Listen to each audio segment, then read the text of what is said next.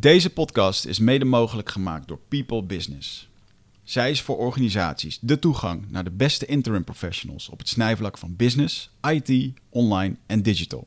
Zelfstandige interim professionals krijgen via People Business de toegang naar uitdagende opdrachten bij aansprekende opdrachtgevers.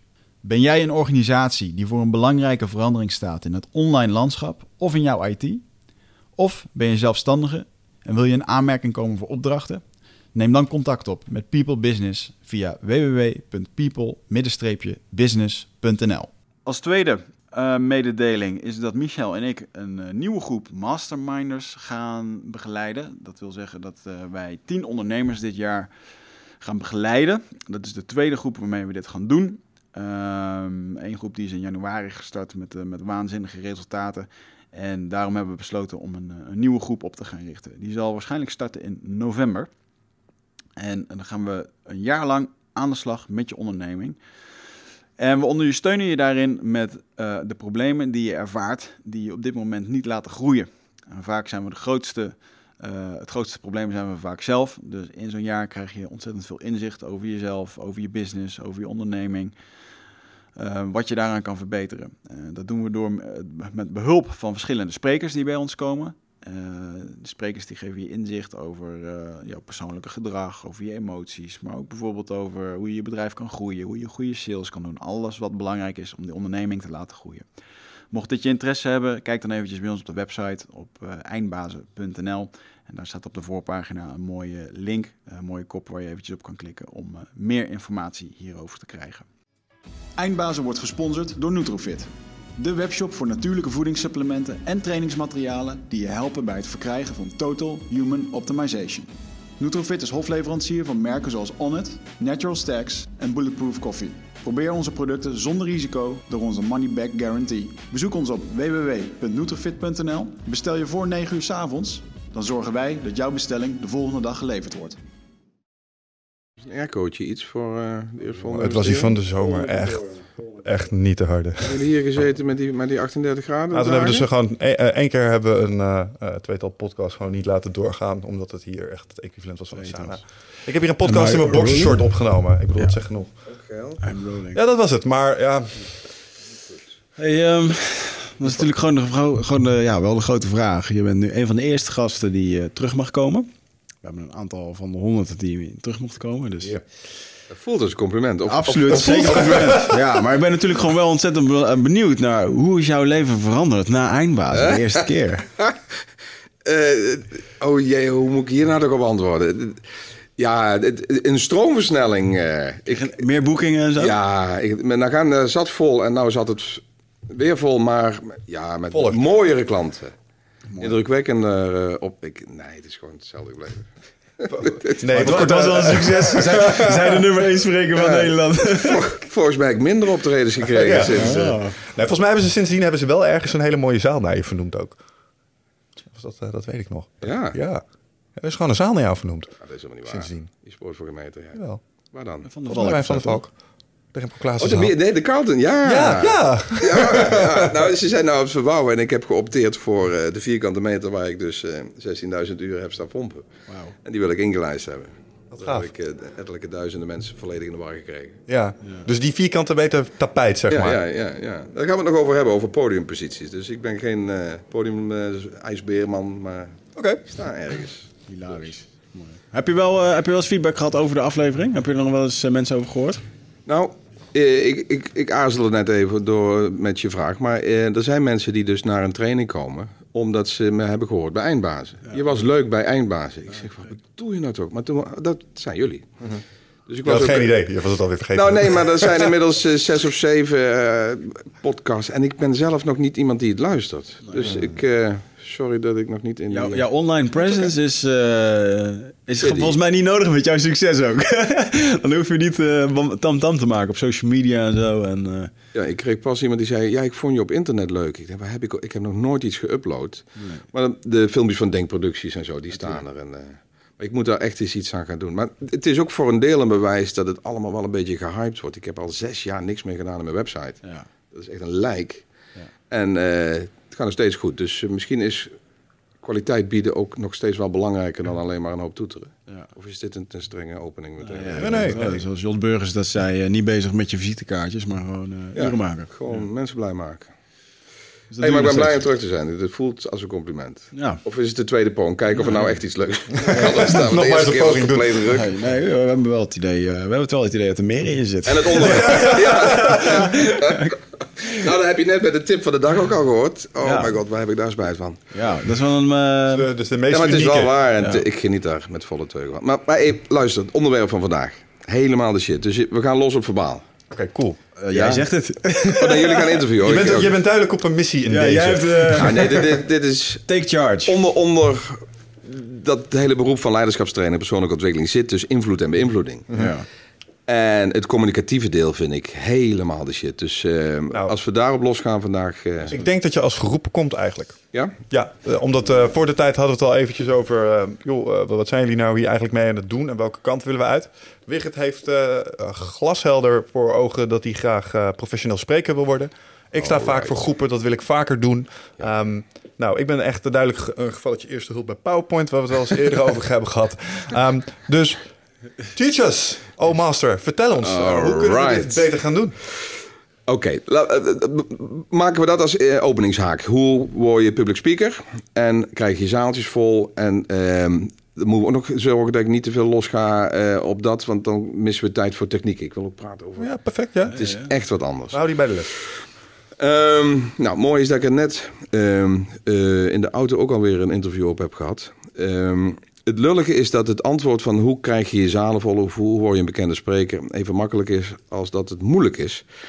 Um, je moet opvallen. Je moet uh, gezien worden door, ik noem het altijd uh, uh, bot een beetje pooiers, maar dan legt het heel makkelijk uit. Ik heb agents, mm denkproducties en focus learning journeys heet het inmiddels. Um, dat zijn uh, naast hele fijne ondernemers ook gewoon killer marketeers. Die kijken naar wat, is seat, wat, wat levert seating op? Wat vult stoelen? En dan heb je dus dat 1000 euro uh, per persoonssegment, uh, waar ik onder andere in me begeef. En dan moet je dus iets meer bieden dan alleen goede content. Um, wat ik lastig vind in mijn beroep is dat het een, een vreemde branche is geworden. Het lijkt wel alsof als niks meer werkt, het trainerschap nog of het sprekerschap open ligt. Het zit vol met uitgeburnoude, meervoudig ontslagen, diverse faillissement uh, ervaring hebbende die zeggen van ja, ik heb zoveel te leren. Uh, laat ze leren van mijn fouten en dan uh, pakken ze een NLP-practitioner erbij en dan gaan ze los. En het, het is gewoon echt een beroep. Hoe boei je een zaal? Hoe zorg je dat er iets achter blijft? Dus eh, soms wordt er te gemakkelijk over nagedacht. En dan zien ze mensen als Jan Verzet en Jos Burgers en, en Ben Tegelaar. Zien ze daar shine on stage. En die hebben er lol in. En dat voel je. En dan zeg je, ja, dat wil ik ook. Ja. Maar het is gewoon een beroep. Het is echt een beroep. En keihard. Uh, want uh, jij zegt net al, die social media is voor mij wat minder belangrijk. Ik, ik weet niet, misschien hè, zit ik volgend jaar zonder handel... en is iedereen maar links en rechts voorbij met uh, die social media. Maar uh, voordat je er, er komt, um, is het dus echt iets wat. wat uh, ja, het is een beroep, jongens. Ja. ja. Mijn zin blijft even hangen, maar. Uh, ja, nou ja als, als ik nu kijk naar. ik heb dan ook de, voor mezelf op een gegeven moment de keuze gemaakt van: oké, okay, ik wil dit gaan doen. dan komt de vraag: hoe ga je het doen? Ja. En um, ja, voor ons is social media, dit is natuurlijk echt wel een, een netwerkding waarmee we heel veel kansen krijgen. Ja. Waarbij we onze eigen shows kunnen, kunnen creëren. Dus we creëren ons eigen podium, dat is daar een strategie van. Uh, maar ook de weg vastleggen van uh, naar dat podium toe. Dus als ik binnenkort een keertje mag uh, spreken ergens, mag binnenkort een keer bij Adidas spreken, waar ik super trots op ben, um, dan kan ik daar spreken voor een paar honderd mensen en weggaan. En dan is dat moment vergeten. Maar op het moment als ik het laat vastleggen, en ik maak er een highlight filmpje van, een dingetje van. En, en dan, dan blijft het meer, kan je het herblijven gebruiken in je marketing en in social media. Ja, dan zijn jullie alweer slimmer dan uh, ik ooit heb gedaan. Als ik dan ja, uh, Jos Burgers, Jan Verzet en ik... Wij zijn min of meer ook per ongeluk succesvol geworden. We, hebben, we vinden de vak zo leuk en we hebben een bepaalde humor, een bepaalde stijl, die is aangeslagen. We hebben geen van drie. Als je, ja, oh, je hebt Jan en Jos ook geïnterviewd, denk ik. Jan nog niet. We, we, we hebben nooit het idee gehad dat wij voor grote zalen gingen. We hebben een bepaalde passie voor ons vak. Uh, Jos is mijn post-HBO marketing opleiding heeft hij gedaan. Dat is een van de eerste en een van de weinige leraren die ik, waar ik nog frasen van kan herinneren. Dus hij was al goed in het vertellen. En dan word je ineens ontdekt.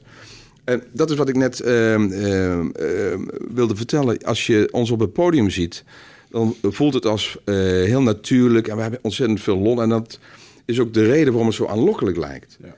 Van, hé, hey, dat wil ik ook, maar dat kan ik ook. Ik kan ook enthousiast vertellen. maar om daar te komen, dat is toch best een ander verhaal. Daar zit misschien ook wel het stukje... Moest denken, u zei, het is gewoon een beroep meeste mensen, eh, we horen deze wens ook wel om ons heen. We doen programma's met ondernemers en dan hoor je, ja, toch mooi als je iets meer autoriteit en dan moet je gaan spreken en dat soort Dan willen ze die kant op bewegen, maar het, het, het, plaatje wat zij in hun hoofd hebben, is dat ze meteen voor een mooie volle zaal staan met allemaal mensen die helemaal aangaan op hun gedachtegoed. En in het feit dat het een beroep is, zit in het feit dat je ook, ik, ben wel eens, ik heb wel eens een praatje moeten geven, ik kwam niemand. Ja. Er zat gewoon niemand in de zaal. Gewoon leeg. Vaak. Daar heb ik tijd in gestoken. Uh, En de keer erop zaten er vijf. Oké, en langzaam maar zeker. Maar je moet best wel wat vlieguurtjes hebben gemaakt... voordat je ook überhaupt op dat niveau kan komen om op zo'n podium te staan. Dat is toch wel weer een verhaal apart. Ja. Kijk, achteraf ziet het er, uh, lijkt het een easy road. Ik heb mijn uh, doorbraak gehad in het voorprogramma van Stephen Covey. Dat was 2004. En toen had ik mijn uh, 3,5-daagse training, was al bij Focus actief. En toen zeiden ze van, hey, kun jij een, een workshopje doen na Stephen Covey? En toen zaten er journalisten bij die dat heel erg leuk vonden en daar met name ook op inzoomden. Die vonden dat leuker dan Stephen Covey. En dat geeft een katapultwerking, dat is een soort Henny Huisman moment.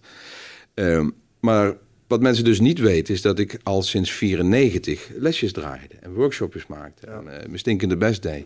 In het bedrijf waar ik werkte uh, en uh, trainingen ging geven. Dus ehm, er zijn er heel veel die al goed zijn. Maar uh, het doorbraakmoment, ja, dat laat, laat zich moeilijk regisseren. Ja, ik, de, de, ik uh, herken de allergie van uh, Hans Jansen, een van mijn agents, van Denkproducties. Die heb je wel gehad. Die heb je ook gehad? Ja, die noemt zich ook Jan Poyer. Nou, dat, terecht ook. Want ik, ik, ik, ben een praathoer en we verdienen met elkaar mooie centjes. Maar hij zegt ook, ik word helemaal gek van al die wannabes... die op zich best goed zijn... Mm -hmm maar nog niet uh, op een folder kunnen, dusdanig dat dat seating geeft. En hij blijft daar heel netjes in. Ik vind dat zo knap hoe hij dat iedere keer die mensen parkeert. Uh, iets, een goed verhaal hebben, goede content en misschien ook een goede bühnepresence maakt nog niet dat die zaal volkomt. Ja. En eh, ja, dan, daarom zeg ik, hè, de, de, de, het advies is redelijk simpel als dat het moeilijk is. Je moet gewoon zo lang blijven toeteren dat iemand denkt dat hij door jou uh, stoelen kan vullen. Ja. En dat is het spel. En dat hebben de meesten nog niet bereikt, maar vinden dus wel dat ik op inhoud en vorm ze al daar horen. Ja. En ja, dat is, dat is moeilijk. Dus, mm. Denk je dat, uh, als ik kijk naar jou en ik kijk naar Jos en ik maak jullie mee qua energie, jullie zijn ook een soort verkapte cabaretiers. Is dat van belang, denk je, daarin? Nou, ook dat is niet Um, die vraag heb ik wel eens gehad van... Hey, heb jij uh, marktonderzoek gedaan naar wat het best beklijft... en hoe je het snelst een, een, een goede verdiener wordt in de, in de pratelarij? Um, ik was zo al toen ik nog niet in het beroep zat. Ik heb bij Center Parks gewerkt. En mijn allereerste... Ik, ik was DJ. Maar dan niet uh, mixend en producerend. Het was Keyhut DJ. Mm -hmm. Gezelligheid, sfeertje bouwen. ja. En ik moest een keer invallen bij... er was een bingoavond. Nou, hoe saai kan het zijn, de fucking roepen van nummertjes. Maar ik ging daar staan en we hadden lol met het publiek. Er zaten Franse, Duitse, Engelse, eh, de prijsjes van niks. Maar we hebben daar een sfeer gemaakt waar, waar, waar Willem Ruijs jaloers op zou zijn. Dat, dat, moet ik uitleggen voor jullie, denk ik. Heb je het nog net meegemaakt? Prijsje Rijk, toch? Zoiets was het? Uh, ja, hij is ook niet meer. Maar dat was dus dikke sfeer. En toen kwam ik erachter dat ik, zoals ik lol maak met, met, mijn maten, hmm. dat dus uh, ook durfde op de bühne. En dat is denk ik nog meer uh, het onderdeel van mijn. Het is lullig als je het over je eigen product praat in termen van succes, maar dan moet je maar even doorheen breken. Nee, maar ja, uiteindelijk is dat ook gewoon wat het is. Het is niet zomaar. Dus, uh... Ja. De, oh. Ah, dat was echt. Ja. Dus ik denk dat dat nog meer uh, het fundament heeft gegeven voor mijn huidige succes dan de, de materie die ik heb vergaard. Mm. Want die is gewoon goed. Ik, ik, ben, ik, zie mezelf als een van de grootste dieven op het gebied van leiderschap en communicatie. Dus ik, alles wat meer dan een miljoen boeken verkoopt, spring ik in de nek, zuig ik leeg en praat ik door. Dus de content is goed, maar de vorm heeft de, de, de, de hefboom gegeven. Paul Smit eh, die uh, coachte mij om mijn laatste praatje en die zei van... zorg dat je straks voor bedrijven staat, dat je niet te belerend overkomt. En ik denk dat jij een heel joviaal... jij kan overkomen als een heel joviaal iemand. Dus je bent niet, gelijk, je bent niet de vijand. Je bent niet de vijand van... ja, het is niet zo... Nou, misschien zit daar al meteen een les in. Ik zie ehm, ook bij de leidinggevenden die ik train... dat hmm. mensen rollen spelen. En op zich denk ik dat het soms ook wel een overlevingssysteem is. Als je op een beursgenoteerd bedrijf ineens een bepaalde stoel moet vullen, is dat best eng. En dat geeft een verantwoordelijkheidsbesef. En dat geeft misschien een bepaalde modus operandi. Die, die denkt van ja, dan moet ik uh, zakelijker worden of I don't know. Maar ik zie tot nu toe de mensen die het meest succesvol zijn, in wat voor beroep dan ook. Als je met je kinderen en met je meisje en met je vrienden veel, veel meer, an, veel anderser, help me eens heel anders bent dan op de bühne, dan mis je dus al een belangrijk deel van je succes. Ik denk dat authenticiteit, is een vreselijk rot begrip, maar wel de basis is van waarom mensen geneigd zijn je te geloven of blijven kijken. Jullie zeppen wel eens en er zijn soms interviews of tv-momenten waar je ineens blijft haken. En dat zijn bijna altijd mensen die gewoon door hoe ze er zijn. Ehm, er is een nieuwe, of een nieuw, ik weet niet hoe lang al werkt, maar een nieuwe komiek in mijn uh, vizier is Patrick Laurij. Patrick Laurij. Die is nou bij, net bij Matthijs Nieuwkerk geweest. Gave gozer, Rotterdammer. Uh, en die, die, die haakt meteen. Mhm. Die is zo leuk. Ik ben hem nou aan het volgen. En, um, maar goed, dat is een moeilijke tip. Hè? Wil je goede spreker worden, ben dan jezelf. Dat, is zo'n fucking tegeltje aan de wand. Ja. En toch denk ik dat daar nog een les in zit. Als je thuis heel anders bent dan op de bühne, mis je een enorm eh, beïnvloedings energieveld. Ik denk dat dat een van de belangrijkste dingen is om uiteindelijk, te, als je echt wil doorbreken naar wat het ook maar is, naar de hogere zeg maar, regionen in je beroep, dan moet je ook wel een beetje zo zijn. Ik heb dat zelf in de praktijk gezien. Ik ben vroeger directiechauffeur geweest toen ik student was. Dan heb ik de, de, het hoofd van bestuur van KPMG gereden en een directeur van een grote rederij in Rotterdam. Dus dan luister je naar de telefoongesprekken die die mensen voeren. Het zijn gewoon boerenlullen in hun aanpak en hun oplossing. Je krijgt, je krijgt dingen mee en ze, ze praten niet met deftig jargon. Het zijn gewoon hele normale gasten die met hele normale oplossingen komen. Waarvan ik dacht van ja, oh, dit had ik op zich ook wel kunnen verzinnen. Snap je? Gewoon omdat het, ja, misschien is het verschil. Dan heb je wel twee goede grappen. En ik kom ook een hele hoop tegen die, waarvan ik denk van, ben jij zo ook thuis? Praat jij zo ook met je kids? Ik had er een... Uh, maar echt helemaal bovenaan de Een hele tijd, ja, ik had er eentje... Uh, moet ik uh, uitkijken dat ze niet kunnen terugrekenen. Ergens in mijn leven heb ik gesproken met een persoon, ergens in den landen. Man, vrouw. Uh, onzijdig. En die in een uurtijd had hij al vier keer verteld dat hij een mensenman was. Hmm. Nou, allereerst, waarom zeg je dat zo vaak? Dan, dan gaat er bij mij al een, een, een stukje denk, dat, dat hoor je van anderen, dat hoor ik van anderen en dan hoef je zelf niet te zeggen. Dus ik had een, eh, een beetje argwaan al. En toen ik één, twee en drie echelons lager in de organisatie wat mensen sprak over hem, waren ze ook unaniem. Briljante stratege en een geweldig visionair en bla bla. Maar zet hem niet onder de mensen. Nou, die discrepantie vind ik scary shit. Dan, dan ben je dus vergroeid met een bepaalde rol. En dan word je een eng wezen. Dan, dan, dan ben je niet meer in te schatten, niet meer in te voelen. En ik denk dat dan ook het einde van je carrière in zicht is. Want dan ben je niet meer jezelf, ben je nep. Mhm. En dan gaan mensen je niet meer vertrouwen.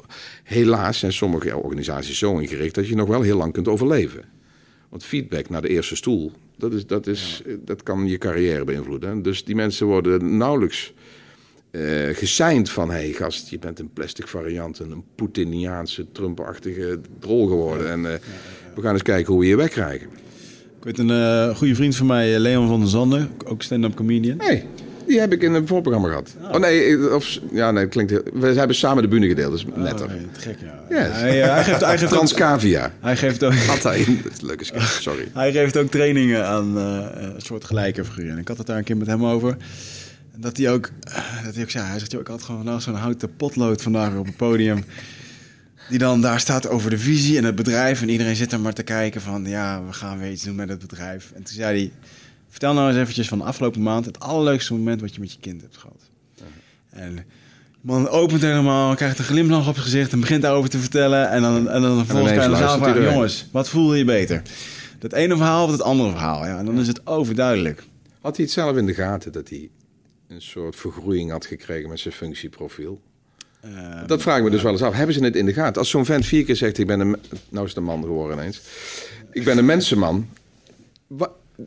Of je meent het niet, of je bent, wil het graag horen, of iets klopt er niet. Of, of je hebt niet het, uh, het, het zelfinzicht. Het kan, ik denk dat het meerdere dingen zijn. A, je wilt het heel erg graag zijn, uh, want je voelt dat je het niet bent. En daarom ga je het extra bevestigen. Wat de fuck zou het zo diep zitten? Dat is vaak wat mensen doen. Mensen vragen vaak om bevestiging. Hè? Dus uh, mensen die... vind ik altijd hetzelfde met verkopers. Hey, ik probeer je niet te naaien of zo, hoor. Dan heb ik altijd zoiets van, waarom denk je erover na? waarom zeg je dat? Ja, dat klopt niet. Ik ga meteen die signaal. Waarom haal je dat okay. op? hand op de knip, broek op de poepen, hand op de poepen dan rennen. En, um, uh, en anderzijds denk ik inderdaad... de positie waarin men niet gespiegeld wordt... of durft gespiegeld te worden. Want jij gaat toch niet tegen de baas zeggen... Ja.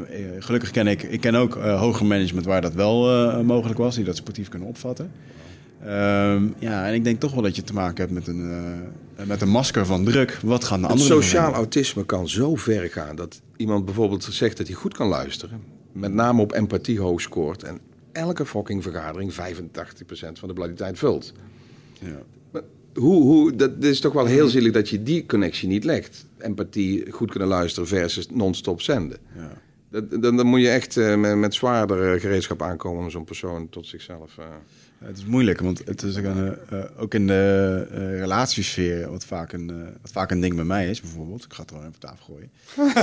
Als het gaat over delen. Ik ben niet iemand die erg Ik, ja, ik vind zelf dat ik heel veel deel. Mijn vriendin vindt dat ik weinig deel. En de podcastluisteraars zeggen, jongen, je, je vertelt alles in die podcast. Maar thuis kan ik best wel een soort van kluizenaar zijn. En ik denk dat dat een... enerzijds is dat heel raar, hè, dat ik hier een podium heb waar honderden duizenden mensen naar luisteren.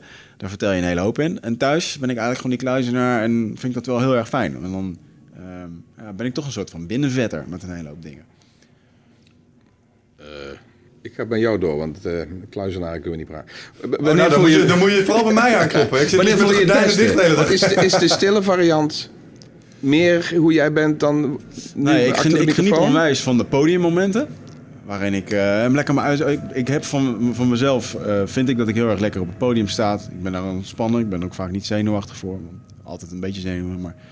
Performance spanning. Kan heel erg, uh, kan mezelf kwetsbaar tonen. Um, ik vind het heel erg fijn. Maar daarna heb ik wel een soort van um, tijd nodig weer voor mezelf. En... Um, dus het is, uh, dat, is, dat vind ik af en toe wel eens moeilijk, hè? Dat mensen ons een beetje zien hier. Ja, het is even die gasten en die praten met iedereen. Maar in, de, in de normale wereld, thuis ben ik dus best wel eigenlijk gewoon op mezelf. En dan wil ik helemaal niet met veel mensen zijn. En zo, uh, zo apart. maar ik denk dat je zowel introvert als extravert authentiek kunt zijn. Ik ben ook niet altijd die bruistablet zoals op de bühne. Dat hebben ze wel eens gevraagd van, hey, ben je thuis ook zo? En wat zielig voor je vrouw? Ja. Ik kan ook heel rustig zijn, dus die snap ik ook wel. Ik, heb één haakje die ik even uh, oppak. Uh, je zei over zenuwen. Mhm op het moment dat je je niet meer zenuwachtig voelt voor een optreden, eh, heb je denk ik het begin van het einde te pakken. Want dan mm. gaat het te makkelijk. Je, ja. Kijk, ik noem het ook nooit zenuwen. Want zenuwen vind ik een, uh, een belemmerende energieveld. Maar uh, performance spanning, als dat niet meer bestaat, dan, dan gaat het mis, denk ik. Ik wil altijd het beste van mezelf geven. Uh, ik, ik, voel het ook als een noodzaak, want uh, uh, ik weet niet of je de folders kent van Focus en Denk. Daar wordt een hele hoop beweerd en beloofd. En dan moet je dus aan voldoen. Ja ik denk dat als ik niet meer voel van... hé, hey, ik wil er vol voor gaan... en ik heb die, die, die, uh, die coulissen-energie... dan denk ik dat het daarna misgaat. Mm ja. Dus uh, ook, ook voor mensen die nog blijven stuntelen met... ja, ik voel me zo zenuwachtig. Omarm dat nou eens. Zenuwen is eigenlijk een signaal dat je er vol voor wil gaan. Het maakt je enorm gefocust. Kijk, als je er niet van slaapt, je schijnt je broek vol in de coulissen... en uh, de, het, je zweet uit je oorlel... dan moet je misschien even een trainingje doen. Ja, ik, maar zenuwen zijn niet, niet slecht. Ik vond het ook wel. We hebben de grote eindbasisshow hadden we in februari of in uh, wanneer was het in, uh, in mei. Een 20 minuten talk. En dat is normaal een 20. Wat moet je met 20? Een soort TED talk. We zeggen dan, onze eindbasisshow is een TED talk met meer testosteron en meer glitter en glimmer. de, de toppers onder het persoonlijk leiderschap, zo moet je dat zien. maar in ieder geval, um, toen moesten wij daar in één keer 20 minuten kletsen. Nou ja, Michel die kan anderhalf uur vullen zonder, zonder met, hè, met gemak. Um, uh, en ik moest ook een verhaal in één keer inkorten. En dan uh, in 20 minuten. En dat was dan toch nieuw voor me. En dan had ik daarna toch zoiets van... Oh, ik had dit toch wat vaker moeten doen. Dan had ik het toch weer wat fijner kunnen doen. Terwijl voor de zaal was het heel erg mooi. Maar dat nieuwe proberen, dat vind ik wel het allergaafste wat er is. Ik moet zeggen dat ik, ik heb het vooral met nieuw materiaal. Als ik nieuw materiaal moet doen, dan slaap ik best wel slecht. Dan ben ik ook weer blij als het achter de rug is. En tegelijkertijd kan ik weer niet wachten tot de volgende keer. Want ik heb even twee, drie dingen die weer anders kunnen en beter kunnen. En... Heb je een soort content stress? Herinner ik me op de bühne nog wel wat ik wilde vertellen? Het grote eind bij shows voor de eerste keer dat ik weer echt gewoon zes, zeven keer het verhaal uit mijn hoofd heb staan opratelen. Gewoon om het in mijn, in mijn hoofd te krijgen. Ja, dat heeft mij heel erg geholpen. Zal ik je zeggen dat ik deze week echt een perfecte methode heb gevonden om dat soort dingen te herinneren? Uh, dit heb ik geleerd van de meneer Jim Quick. Dat is een, uh, een breinexpert uit mm, Amerika. Mm, die wereldkampioen uh, onthouden, of niet? sterren! Ja, inderdaad. En wat hij gewoon zegt, um, je moet het gewoon zien. Wij denken in beelden. Mm.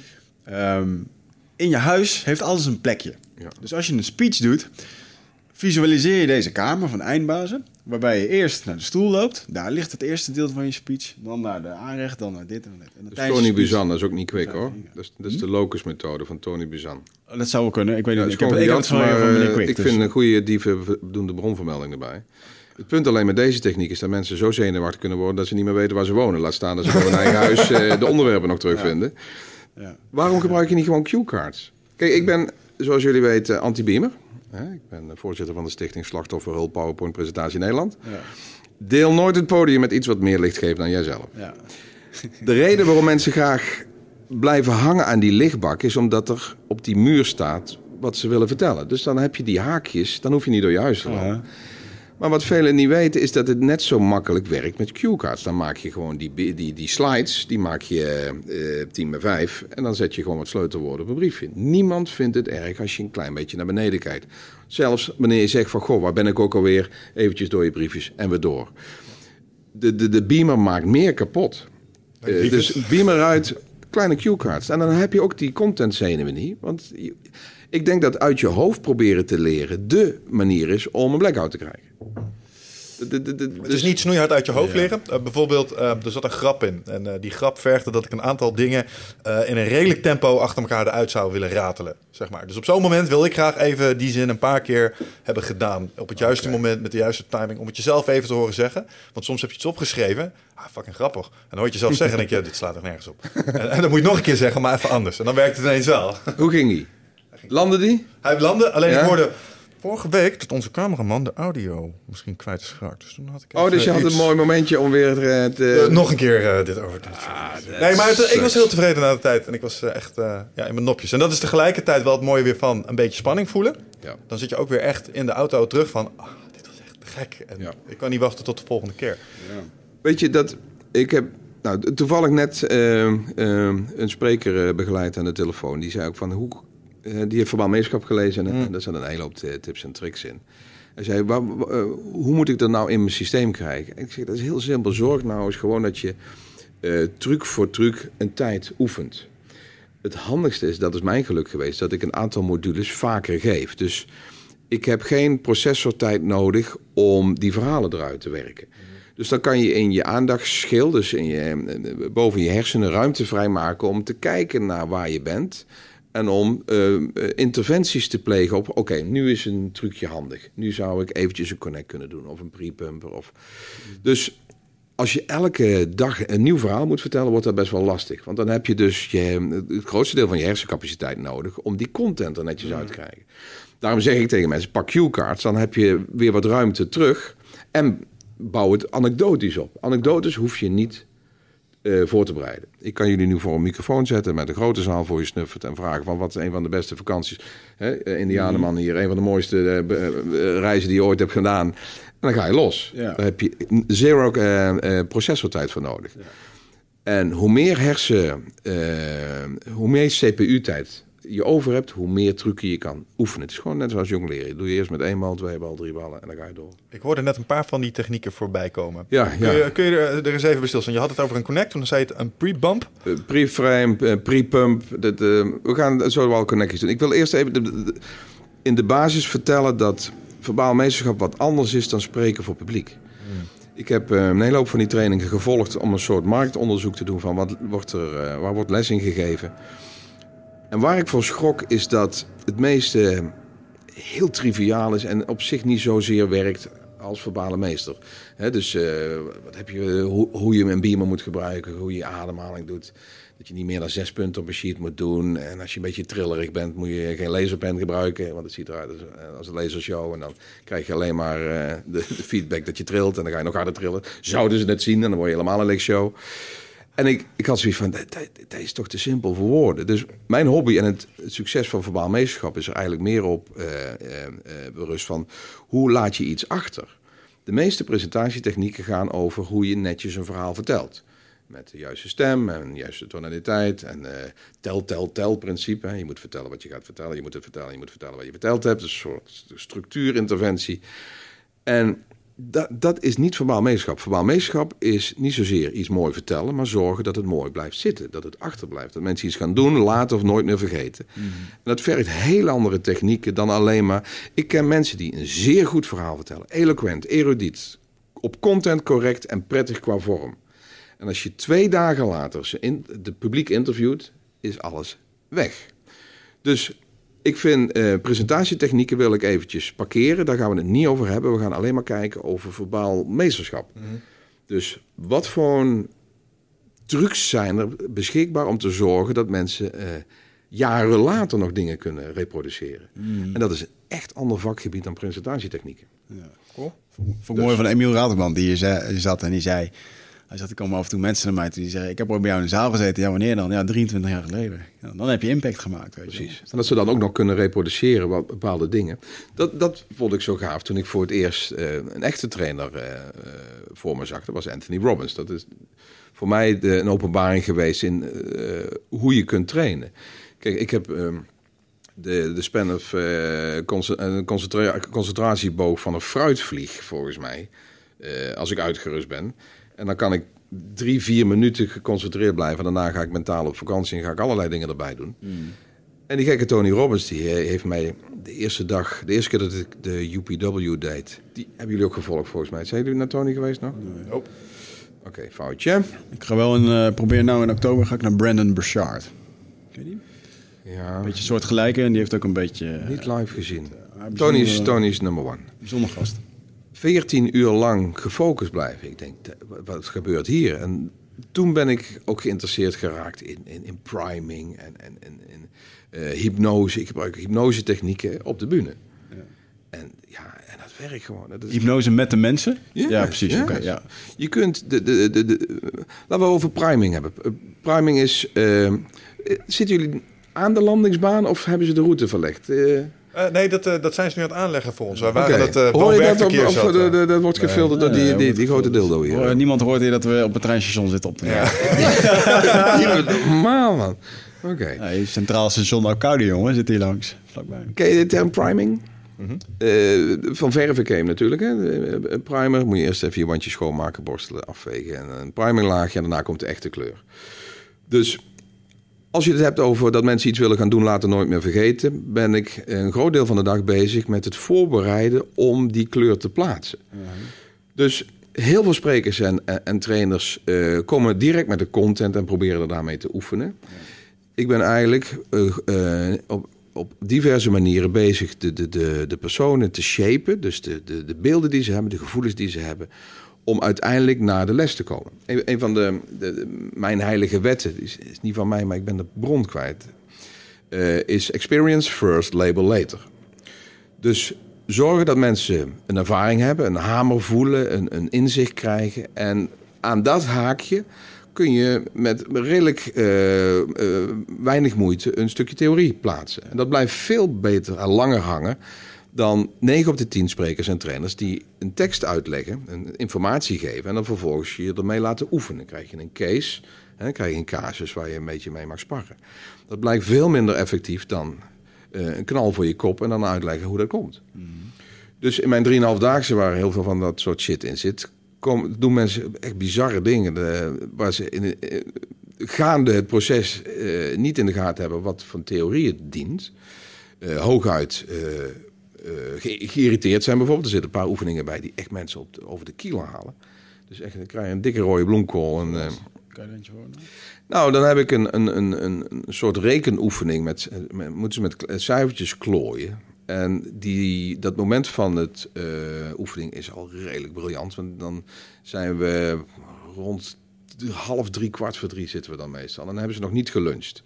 Dan heb ik met andere techniekjes heb ik ze rekken, rekken, rekken en een filmpje, nog een oefeningetje. En nog smeriger, dan ben ik eh, eigenlijk al vanaf half twaalf lunch items aan het noemen. Van, weet je wat, nog één sheetje, nog één oefeningetje krijg je kaaspakketje. Uh, nog één sheetje, oefeningetje en dan komt straks pakjes op. Geen zorgen, uh, we zijn bijna klaar, krijg een visje. Dus dan heb ik al een stuk of 16 voedingsmiddelen voor de neus gehangen. En iedere keer blijft die training maar doorgaan. Nou, als ze echt dan niet meer kunnen, zitten ze op de grond en dan moeten ze een oefening doen. Dan speel ik ineens een andere persoon. En dat vergezel ik, die oefening, met zo'n 130 decibel death metal. Echt uh, onvriendelijke muziek voor de meesten. Het is mijn... Uh, ja, het is jouw passie, hè? Jij vindt dat mooi, ja. Ik, ga er, ik ga er zen op, maar sommigen trekken dat niet. Um, die oefening duurt nog drie kwartier. Dan krijg je dus om half vier pas lunch. Nou, daar zit een bak emotie. Mensen gaan compleet staken, richten zich tegen de baas en laten zich vanuit alle kanten zien. Niet de meest effectieve. En na de lunch krijgen ze ineens een aha van... oh, en wat er toen allemaal gebeurde. Dan laat je dus eigenlijk in een oefening van drie kwartier zien... waarom relaties misgaan, waarom bazen fompgedrag vertonen... waarom mensen de, de, de, korte bocht gaan kiezen als, ze wat, uh, als de amygdala gloeit... En dat is zo confronterend dan. En is de theorie is een kwestie van ja, gewoon aan die haakjes een paar uh, uh, autoriteiten hangen en een paar, paar, tegeltjes aan de wand. Dus je wil ze even en dan de pijn laten zitten. voelen. Ja. Nou even, dat doet echt wel pijn. Ja. Dus Experience First, Label Later is een briljante manier om ook je lezing op te bouwen, je les op te bouwen. Want ik ben van mening dat ik hoop dat we daar nog tijd voor hebben. Ik, ik, ik, maak me zo zorgen over het onderwijs. De, de hersenfrequenties van, die, van de, de nieuwe generatie zijn zo aan het veranderen. Mhm. Je moet eens gaan luisteren met Jelle Jolles of Margriet Sitskorn of Erik Scherder, Dikkie Swaap. Wat er allemaal gebeurt de laatste jaren. En de, het onderwijssysteem bij velen is nog steeds gebaseerd op contentoverdracht. En dat, dat, dat haak niet meer op die, uh, die, die, die hersenfrequentietjes. Je houdt die, dat spul niet meer bezig met mhm. de conventionele technieken. Dus, wat was, wat, ik prijsde mij zeer gelukkig. De Verbaal Meeschap 2014 zaten we in de arena. Dat klinkt heel stoel, maar er zijn ook zijzalen, mm subzalen. Uh, eh, 300 man, denk ik, Verbaal Meeschap. Dat is bij Denkproducties. En er zaten uh, twee Pabo-directeuren, die kwamen naar me toe. Dat is een dag van 12 uur, dus 12 uur lang colleges. En dan gaan mensen energieker naar huis. Dus dat is bewijs ook van de materie. Ja. Komen naar me toe, schaamrood om de kaken, zeggen Klaassen... Uh, wij geven nog geen 5% van de technieken die jij vandaag met ons hebt gedeeld en bewezen hebt, door aan onze nieuwe leraren. Ik zeg ja, die, die zorgen maakte ik me ook al. Uh, kak mijn agenda vol, zou ik zeggen. Mhm. Fijn dat je erbij was. Nul opdrachten. Waarom komen niet alle ROC's, alle PABO's, alle lerarengremia naar verbaal meesterschap toe. Dat is niet om een product te, te pushen, want ik heb het boek, je kunt het gewoon zelf les in geven. Hmm. Uh, op een of andere manier eh, krijg ik het onderwijs nauwelijks mee. Ik, binnenkort heb ik, ik ben zeer gelukkig, we hebben de Koningin Beatrix uh, uh, theater vol 1500 onderwijzers met leraren maken het verschil. Daar kan ik best over praten, want het is geen open inschrijving. dus er kan niemand naartoe behalve als je daar bij Deade zit. En dan gaan we een, een, krijg ik drie keer drie kwartier. Ik ben een sticket zenuwachtig over, want ik heb twaalf uur nodig. Maar ik heb drie keer drie kwartier. En dan ga ik eens kijken of wij de leraren mee kunnen nemen naar nieuwe technieken hmm. om het spul wakker te houden. Want gewoon conventioneel didactische skills, daar trek je het niet meer mee met de hedendaagse jeugd. Want, ah, het, het, autistisch spectrum eh, komen ook steeds meer nieuwe inzichten over. Dat het niet meer zozeer een afwijking is, maar de nieuwe realiteit. Dat het anders en sneller en multiproces en... Het is gewoon een gewoonte geworden. Ja, dat, dat, is niet zozeer meer een afwijking. natuurlijk zijn er mensen die in een, een, autistische componenten hebben en echt neurofysiologische afwijkingjes. En daar moet je echt iets aan doen. Maar het is niet zozeer maar dat een druk mannetje en snel afgeleid, dat er per definitie... Nee. Sorry. Ik ben, ben laatst een keer gedoken in een, uh, in een uh, cursus die ik heb gevolgd van een uh, monnik die CEO's in Silicon Valley begeleidt in Focus. Oké. En ehm, ik moest dat weer eens een keer ophalen, want ik merkte dat ik ongefocust was. En, met mijn telefoon en andere afleiding, bla bla bla. En toen zei hij ook, het beste wat je kan doen hierbij is ook zorgen dat je een omgeving krijgt waarin iedereen gefocust gaat. Vraag ook aan je omgeving om dat mensen gefocust zijn. Want ook naar je kinderen ze doen, ze doen wat jij bent. Ja. En ik denk dat het voor leraren net zo is. Leraren zitten natuurlijk met een telefoontje zitten en met dingetjes geen aandacht kunnen houden. En dan straalt het af op die kids. Ja, maar dat, zijn, eh, dat, dat vind ik nog niet eens verbaal meestal. Dat zijn ele, ele, elementaire rolmodellen. Dat, dat is... Mm. Maar het is moeilijk hè, om, uh, als ze dan in de schoolbanken zitten, dan moeten ze serieus zijn. Zodra ze naar buiten lopen, lopen ze met die telefoon, social media, al die, al die interne toeters en bellen. Het is zo ontzettend complex. Ja.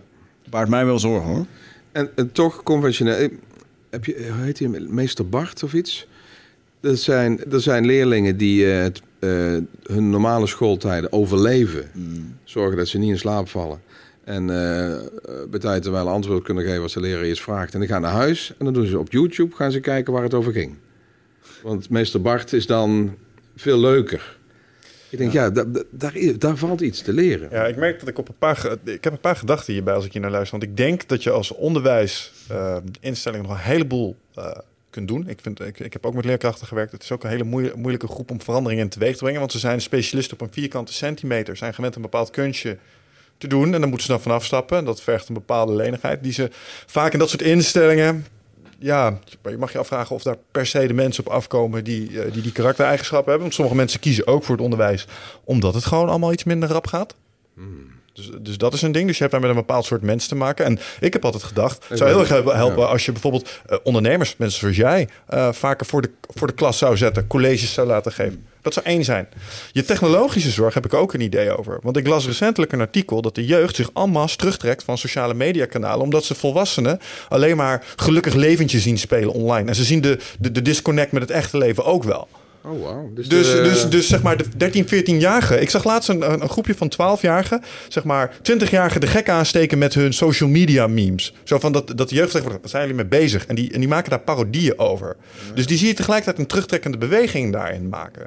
Dus, maar dat wil niet zeggen dat het internet ook weer allerlei kansen biedt. Zoals bijvoorbeeld wat jij zegt, uh, internet leren. Mijn neefjes kijken nu uh, zeg maar naar allerlei YouTubers die spelletjes spelen, waaruit ze dingen leren, zeg maar, die ze in hun eigen spelletjes direct weer toepassen. Dat heb ik ook eens gezien. Dan zit je te kijken. Dat is geniaal, want die spelen dezelfde games als ik, maar ze weten meer over die games omdat ze de hele dag zitten kijken naar een gast die het spel speelt. En dat kopiëren ze dat gedrag. Als je dat mechanisme inzet voor het leren van allerlei andere dingen, denk hé, hey, daar heb je iets moois te pakken, dat zou je kunnen laten werken. Ik vind dit trouwens wel een geruststellende ontdekking dat mensen uh, zien doen waar ze goed in zijn, nog steeds marktwaarde heeft. Ik heb toen, toen de e-learning en de, de YouTubes en de TEDx uh, steeds meer populair wer, uh, werden, dacht ik van, nou, uh, dit is het einde van mijn beroep. Dat je op de bühne nog iets gaat doen. Maar gewoon live zien wat er gebeurt, heeft nog steeds heel veel waarde. Ja. Dus, dus, maar goed, dat is al meteen een hint. Hè, van, laat die kinderen meer zien hoe iets moet.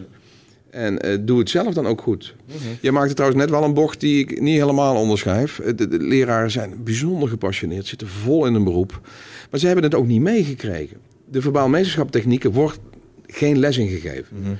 Dus ik, ik denk dat we een enorme mooie fusie kunnen maken als dat beïnvloedingsvakgebied waar ik dan graag in zit, wat meer mixt met. Want de leraren, natuurlijk zijn er die, die disconnected zijn en wachten tot hun intern gepensioneerd. Intern gepensioneerd. Dat vind ik mooi. Maar dat is toch wel een beetje ook een grijze massa. Want ik heb een tijdje voor Apple uh, gewerkt als education manager. Het was mijn taak om Midden-Nederland aan de Apple te krijgen. Nice. In Amerika gaat dat heel erg makkelijk. Dan zeggen ze gewoon, joh, uh, Universiteit van Utrecht, alle jullie eerstejaars, die krijgen gewoon een MacBook Pro alsjeblieft. Nou, dan weet je ook dat je ze voor de rest van het leven hebt. Dat is goede marketing. ik moest dat echt gaan verkopen. Aan die, aan, waar de directeur dan zei, ja, hij is de IT-man. En dan moest ik het aan een uh, meneer vertellen die het helemaal zo had ingericht. Dat niemand er wat van begreep. Behalve hij. no way dat hij ging veranderen. Maar in ieder geval, hun, uh, de training die ik daarop kreeg was voor hun van joh, vroeger gaf je briefjes door uh, met, eh, dat gaf je dan door en blablabla bla, bla, was allemaal stiekem. Nu doen ze het op een telefoontje. Ja. Uh, je houdt het ook niet meer tegen. En dat was toen nog een beetje een, een tijdperk dat men het allemaal wilde verbannen. Ja. En eigenlijk leerden wij al uh, in workshops aan leraren van... joh, uh, laat ze dan gewoon een videoproject maken met die telefoon. laat ze dan vervolgens een filmpje bewerken op een computer, weet je. Ja. Ik vond dat Apple daar heel erg uh, progressief in was. Alleen het gaf te veel weerstand. Zou dat want, voor alle vakken kunnen? Nou, Als je meeste... marketing geeft of, of de... recht, rechtenstudie? Nou ja, ja ik denk dat de recht is misschien wat stoffiger. um, maar ik denk dat je dan ook echt een beroep kiest waarbij dat zo is. Maar ik denk zeker voor de jongere generatie als ik een werkstuk mag maken, ik mag een spreekbeurt doen en het mag ook digitaal bij bewerkt worden. Ik denk dat het heel erg je, moet het, je moet het integreren. Maar tegelijkertijd, we hebben het daar met Toon Germans ook over gehad. die, die zag niet langer de waarde van de klassieke vakken, bijvoorbeeld. Een van de dingen, uh, ik zat uh, toevallig dat ik de laatste weer tegenaan liep. Een van de, van de keren dat ik nog dingen uit mijn hoofd moest leren was toen ik een training deed Mylogenics tot verkapte sportfysio. Moest ik rijtjes met spieren leren. Dus als je zeg maar je schouder optilde, dan moest ik weten welke structuren daarbij betrokken waren. Waarom? Op het moment dat ik aan het toepassen ben met, met die skills, zeg maar, moet ik weten wat daarbij komt. Dus dat, dat stampen, zeg maar, van kennis in je hoofd. Ja, dat heb ik ook een beetje geleerd omdat ik Duitse woordjes moest leren. Uh, omdat ik topografie heb moeten leren. Als bij middag van Zoek, dus bis durchvuur gegen ohne om. Ik weet niet meer wat je ermee doet, maar het had een betekenis in het Duits. Ja. Oh my god. Snap je? Maar die rijtjes stampen had ook een soort van waarde. En uh, wat ik mensen die, die het hele onderwijsmodel willen omgooien ook zeggen... ja, maar dat, dat heb je niet meer nodig tegenwoordig, want je kan alles googlen. Uh, ja, en je moet mensen leren om de juiste info te zoeken, te onderscheiden tussen de bullshit en de waarde eruit te destilleren. Maar tegelijkertijd vind ik ook nog steeds dat je in staat moet zijn om gewoon informatie in je hoofd te proppen en vast te houden daar voor langere tijd. Dat is nuttig. Ja. Daar, daar zie ik een beetje een soort spanningsvat. Ik denk als je daar een mooie middenweg in vindt, dan kun je hele mooie dingen doen. Kijk, het, ik denk als, als er een vakgebied content dominant is, dat er echt heel veel shit achter uh, uh, moet blijven in die hoofdjes. Ook dan zijn er technieken nodig. Wat, wat ik heel veel doe, ook in mijn training, is stacking.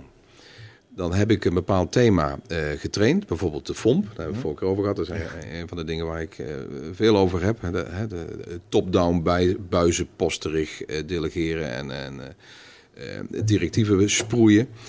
Als ik die heb geleerd, dan heb ik daar een bepaalde beweging bij. De FOMP-beweging. Dan zie je dus gewoon die aars met die buis. En dat, dat heel, le heel levendig. Ja, nou, het is de, is eruit, maar de, de, de FOMP, het, het is erin. En wat ik vervolgens doe, is dat elk moment dat ik uh, nieuwe theorie gebruik, uh, moet leren. Uh, nee, niet moet leren, dus aan het lesgeven ben, waar ik de oude bij kan gebruiken, creëer ik een herhaling van de oude theorie terwijl ik hem gebruik bij de nieuwe. Dus dan zeg je bijvoorbeeld, nou, je ziet vaak dat leidinggevenden de korte bocht pakken in het, het uitleggen van een bepaald proces. Nou, daar heb ik die FOM-beweging al bijgemaakt. Dus terwijl ik nieuwe theorie geef, herhaal ik de oude. En dat zijn technieken die kunnen leraren ook gebruiken en zich eigen maken. Ik denk niet dat het moeilijker is, maar het is gewoon anders. Um, uh, word completion is een hele leuke techniek. Word completion is een IT-term. Als je in Google iets intypt of op je PC, dan krijg je dat jou voorstellen van. Uh, Damn you, autocorrect. dat zijn websites vol mee. Ja. ja. nou, dat soort spelletjes kun je ook spelen met, uh, met je publiek. Dan moet je wat, wat twijfel fingeren in je stem. Dan heb ik bijvoorbeeld, ja, vorige week zat ik bij een bedrijf, daar hadden ze een, uh, zo'n medewerker, zo'n MTO, heet dat. En dan voel je dat die zaal, meestal doen ze het ook hardop, maar of ze doen het al in hun hoofd. Maar dan heb je dus een regie, heb je een interventie gecreëerd waarop zij iets zeggen of iets herhalen in hun hoofd. Medewerkers tevredenheidsonderzoek. Dus, uh, hoe heet het, NLP, met dat neurolinguistic... NL, uh, Neuro Linguistic Programming. Dus doordat ik een, een, een voorzetje maak en het niet afmaak, maar wat twijfel ik zit te bewegen, maken zij het in hun hoofd af of live. Ja, en wat ik merk, ook merk is dat als je dat doet en je maakt het dan af, dan voel ik me slim dat ik het had afgemaakt, krijg ik een kleine endorfine release en ik ben er weer bij. Mensen blijven, maar dat doe ik met heel veel dingen. Dan heb ik een verhaal, uh, praat ik over een gastje, ja, die wilde zo'n jasje aan, zo'n jasje zonder mouwen. Uh, heel de zaal, bodywarm. Die kun je heel vaak doen. Het is gewoon een techniek. Ja, er, zijn er, er zijn er vele.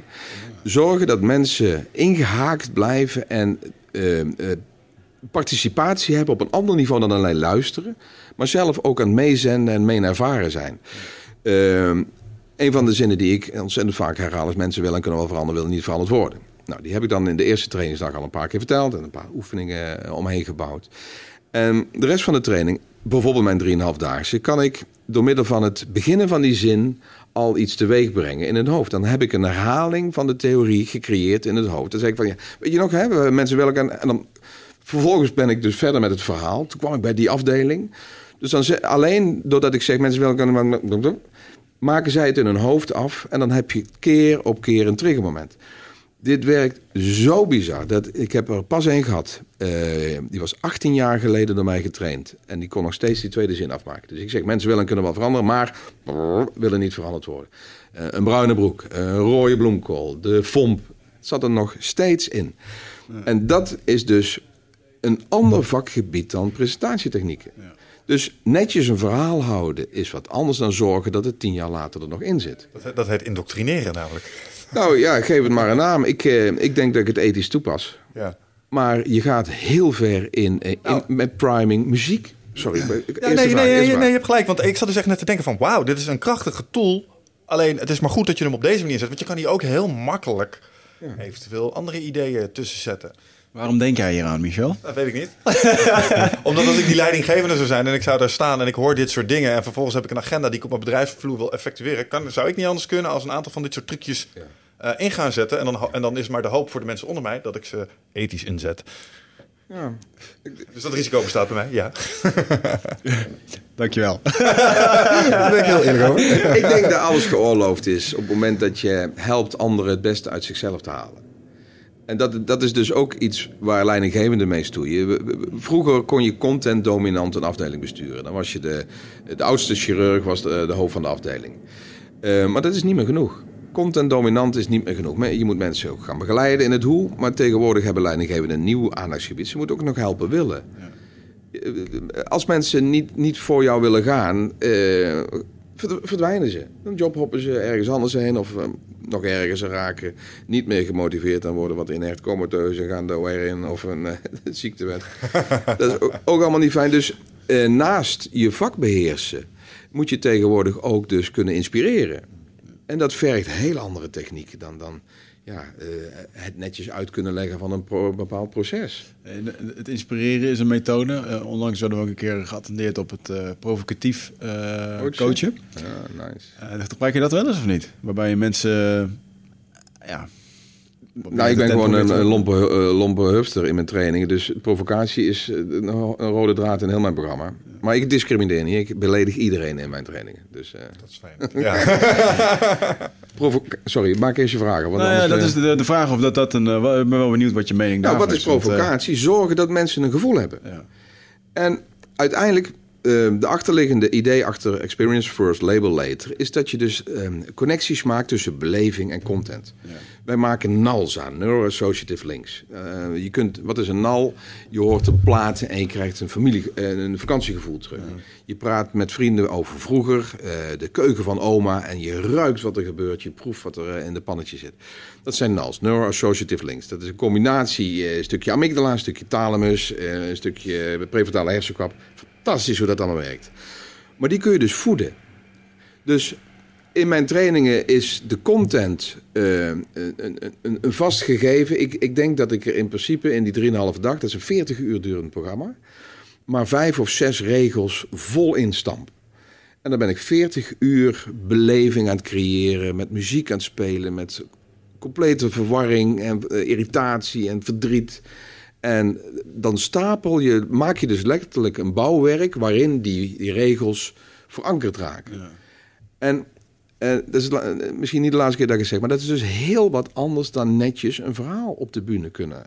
Entertainen. Ja, het is beleving en content in een complete mix. Ik, ik geloof in de heilige drie-eenheid. Deze heb ik uh, gejat van uh, David Bloch. Een van de eerste trainers die ik uh, heb gevolgd op het gebied van presentatietechnieken. Die had de triple E. Er zijn heilige drieluik. Je hebt uh, educatie, entertainment en empowerment. Dus er moet informatie in zitten. Het moet entertaining zijn, een plaatje, een filmpje, een beleving, whatever. En het moet empowering zijn. Mensen moeten het gevoel hebben dat ze er beter door kunnen worden of uh, iets slechts kunnen voorkomen. Ja. Het oude pain and pleasure principle. En in principe moet iedereen elk, ik noem dat bühnebloks. Een bühneblok is een moment dat jij uh, op de bühne staat. Nou, uh, in mijn geval kan dat een blok zijn van twee uur. Ik heb donderdag verbaal meesterschap uh, in, in de jaarbeurs. Dat is twaalf uur. Maar het kan ook vijf minuten zijn in een vergadering. Dat wanneer jij je het woord neemt, dat in die vijf minuten ook een triple E-dimensie moet zitten. Als je er één mist, gaan. Stel educatie mis je, dan gaan mensen je niet geloven. Dan is het niet goed onderbouwd, dan heb je geen steekhoudende argumenten. Stel entertainment mist, dan haken mensen af en dan gaan ze mentaal op vakantie of er iets anders bij doen. En als het geen empowerment heeft en mensen dus geen pain of pleasure erdoor kunnen krijgen, dan gaan ze niks meer doen. Dus ik probeer mijn mensen ook altijd te trainen dat je niet zomaar lullen. Lullen met voorbedachte raden. Je wil dat mensen iets gaan doen, laten of nooit meer vergeten. En dat is een heel andere manier van het voorbereiden van je spreekbeurt dan eh, de content uitspreiden in een paar blokjes en een jaar. Oh, ik moet nou een mopje vertellen, nou komt er een, plaatje. Dat is heel wat anders. Dus lullen met voorbedachte raden is de, de, de basis van verbaal Wat? Ik, ik gebruik de interviewmetafoor. Dan zeg ik tegen de nieuwe bakken sprekers en trainers van... oké, na jouw uur sta ik bij de deur en dan stel ik mensen twee vragen. Hoe vond je het? Nou, dan krijg je een emotie van, nou, ik heb me geïrriteerd of ik heb gelachen of goh, het was inspirerend. En de tweede vraag voor mij wordt, uh, waar ging het over? En wat er dan gebeurt is dat als je goed verbaal meestelijk je bühneblok ontwerpt, ga je eigenlijk de antwoorden uh, die aan de deur gegeven moeten worden, ga je ontwerpen. Ja. Dus wat moeten ze zeggen? Doe maar man dat Remco na jouw uur het interview geeft. Ah, dus dat is. Uh, Kofi is een van de goeroes waar ik nogal. Hè, de, van, van die seven. Uh, Habits of highly effective people? Sorry, ik ja. um, hij zegt, begin with the end in mind. Dat is het belangrijkste leadership. All things are created twice. Je hebt een mentale creatie en een fysieke creatie. En de kwaliteit van de fysieke creatie voor bepaalde de kwaliteit van de mentale creatie. Leiderschap gaat over voordenken, management is nadenken. Nou. Dus begin with the end in mind wil zeggen, wat moet er achterblijven bij de cursist nadat jij stopt met praten? De meeste mensen gaan kijken welke content wil ik sproeien en structureren dat over die, dat uur wat ze hebben met, met 48 sheets of nog erger. Ja. En dan kom je op een heel ander vakgebied uit. Ja. Dus verbaal meesterschap gaat over wat blijft erachter, niet zozeer wat ga je zeggen op de bühne. Dus je, je wordt verplicht om uh, de antwoorden van het interview erin te manipu helpen. Ja, interessant. Hmm. Dat denk ik, ja. Ja, ik uh, doe me een beetje denken aan onze eindbasisshow. Toen hebben we daarna een enquête gedaan. En toen had ik ook uh, een van de enquêtevragen was welke drie woorden... Uh, ja, welke drie woorden komen je op als je aan deze dag denkt? Ja. Dat is dan toch wel grappig dat de hele groep hetzelfde voelt was echt heel erg Had je iets goed gedaan. Eh, Had je die woorden ook van tevoren in je hoofd van nou, het moet inspireren, ze moeten zijn geschrokken en ze moeten de noodzaak voelen om. Het was uh, energiek, kwam heel veel terug. En dat was voor mij echt een must. Want wat jij daar zegt over een Tony Robbins en dat mensen. Uh, het, het, voelen, het springen, het dansen, het ouwehoeren. Uh, dat vind ik heel belangrijk, het show-element. Dat was voor mij onbewust heel belangrijk. Maar ik had natuurlijk niet de presentaties in de hand van, van collega Michel, andere sprekers en dingen. Ja. Ehm, uh, inspirerend, inderdaad. Ja, toch wel dezelfde dingen. Diepgaand soms. Uh, verschil per presentaties. Humor ook. Gewoon een bepaalde losheid die erin zat. Oké, maar nou, nou, bespreek je eigenlijk de gevoelens die ze over hebben gehouden. Mm. Uh, verbaal meesterschap gaat zover dat je ook de content kunt reproduceren. Dat, dat, hebben we ook. En dan, dan vroegen we wat is je bijgebleven? Wat is de belangrijkste boodschap die je meenam? En dan zie je dat ze per presentatie iedereen een, een phrase of een zin daaruit pakte. Ja. Nou, dat, dat, we hadden vijf presentaties, dus dan heb je een breed palet om uit te kiezen. Weet je wel. Ja. Vraag daarover, want um, ik heb beeldmateriaal van mezelf gezien en dan denk ik, oh, deze keer was de stage presence iets beter. Ik stond iets rechterop en dat soort dingen. Je had het begin, aan het begin had je het ook over, uh, zeg maar, positie op het podium, uh, geen ijsbeer-effect, uh, het non-verbale, zeg maar, stuk. Dat is ook een heleboel techniek. Uh, houding, ook een bepaalde manier van je voelen en dat uitstralen. Kun je daar eens iets meer over vertellen? Hey eindbazenluisteraar, dankjewel dat je zit te luisteren naar deze podcast. Ik onderbreek hem eventjes voor een hele belangrijke boodschap. Of misschien liever gezegd een uitnodiging. Want op 24, 25 en 26 mei dan is er weer een nieuwe editie van Ride of Passage. Dat is mijn retreat voor persoonlijke ontwikkeling. En speciaal voor de mensen die op zoek zijn naar, ja, naar helderheid. Of dat ze lastig bij hun gevoel kunnen komen. Dat ze moeilijke beslissingen moeten maken.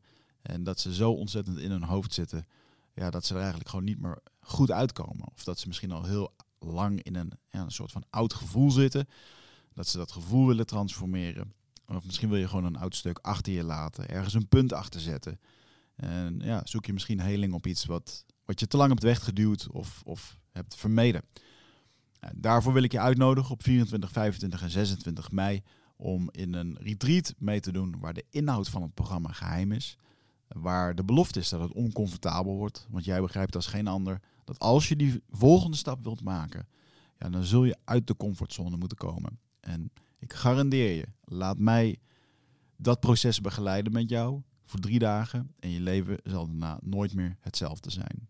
Gemiddeld beoordelen de deelnemers het met een 9,2. En daar ben ik ontzettend trots op. Er is ook een money back guarantee. Heb je de drie dagen vol, volbracht en vind je het niks, krijg je gewoon je geld terug. Dus het enige risico wat er is, is dat je gelukkiger kan worden. Ik zie je Bride of Passage. Ga naar wichertmeerman.nl en klik op Retreat. Ja, ik, ik kijk uh, mezelf nooit terug. Ik vind het vreselijk om... Uh, ik heb de podcast ook niet uh, terug geluisterd, sorry. Dat is oké. Um, ik kijk nooit naar mezelf. Um, waar ik op in wil haken is dat uh, je bühnepresence, ook daar zit heel veel informatie in. Ik vind een positiespel heel belangrijk. Uh, als ik in één congreshal had opgetreden mijn hele leven, dus de afgelopen 22 jaar, dan had ik een, een uitgesleten stip gehad met een soort kruis, met een beetje, beetje, beetje kaal, kaal uh, tapijt. Ehm, ik heb geleerd ehm, komt ook voor een deel uit de timeline therapie, een deel van, uh, van de NLP. Dat mensen hebben een onbewust tijdsrichtingsgevoel. Mm.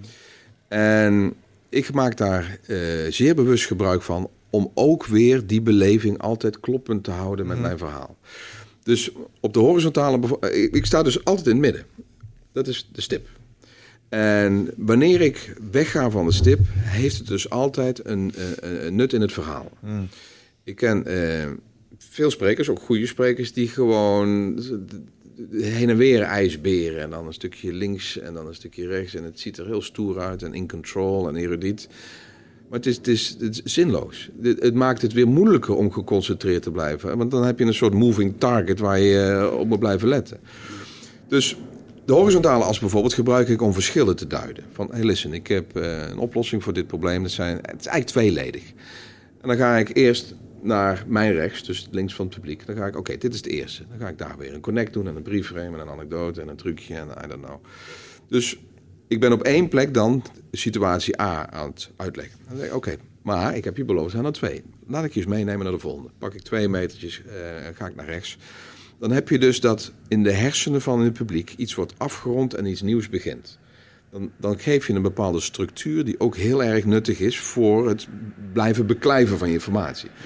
En je hebt ook nog eens een gestalt gemaakt. Want als ik dan op de tweede positie sta, kan ik naar links wijzen met zinnen als van, nou, eh, de vorige techniek, wat daar belangrijk was, naar, naar links wijzen zou normaal niks betekenen. We hebben nu ook een trein, hè? Dus we hebben vliegen, vliegtuigen, treinen. Kom, fucking hoeveel kracht heb je nog meer besteld? Voor, er komt zo een Apache voorbij gevlogen. Met jouw naam erachter aan zo'n spandoek. Ja. nou, ik hoop dat de, de mensen dit uh, geen last van hebben.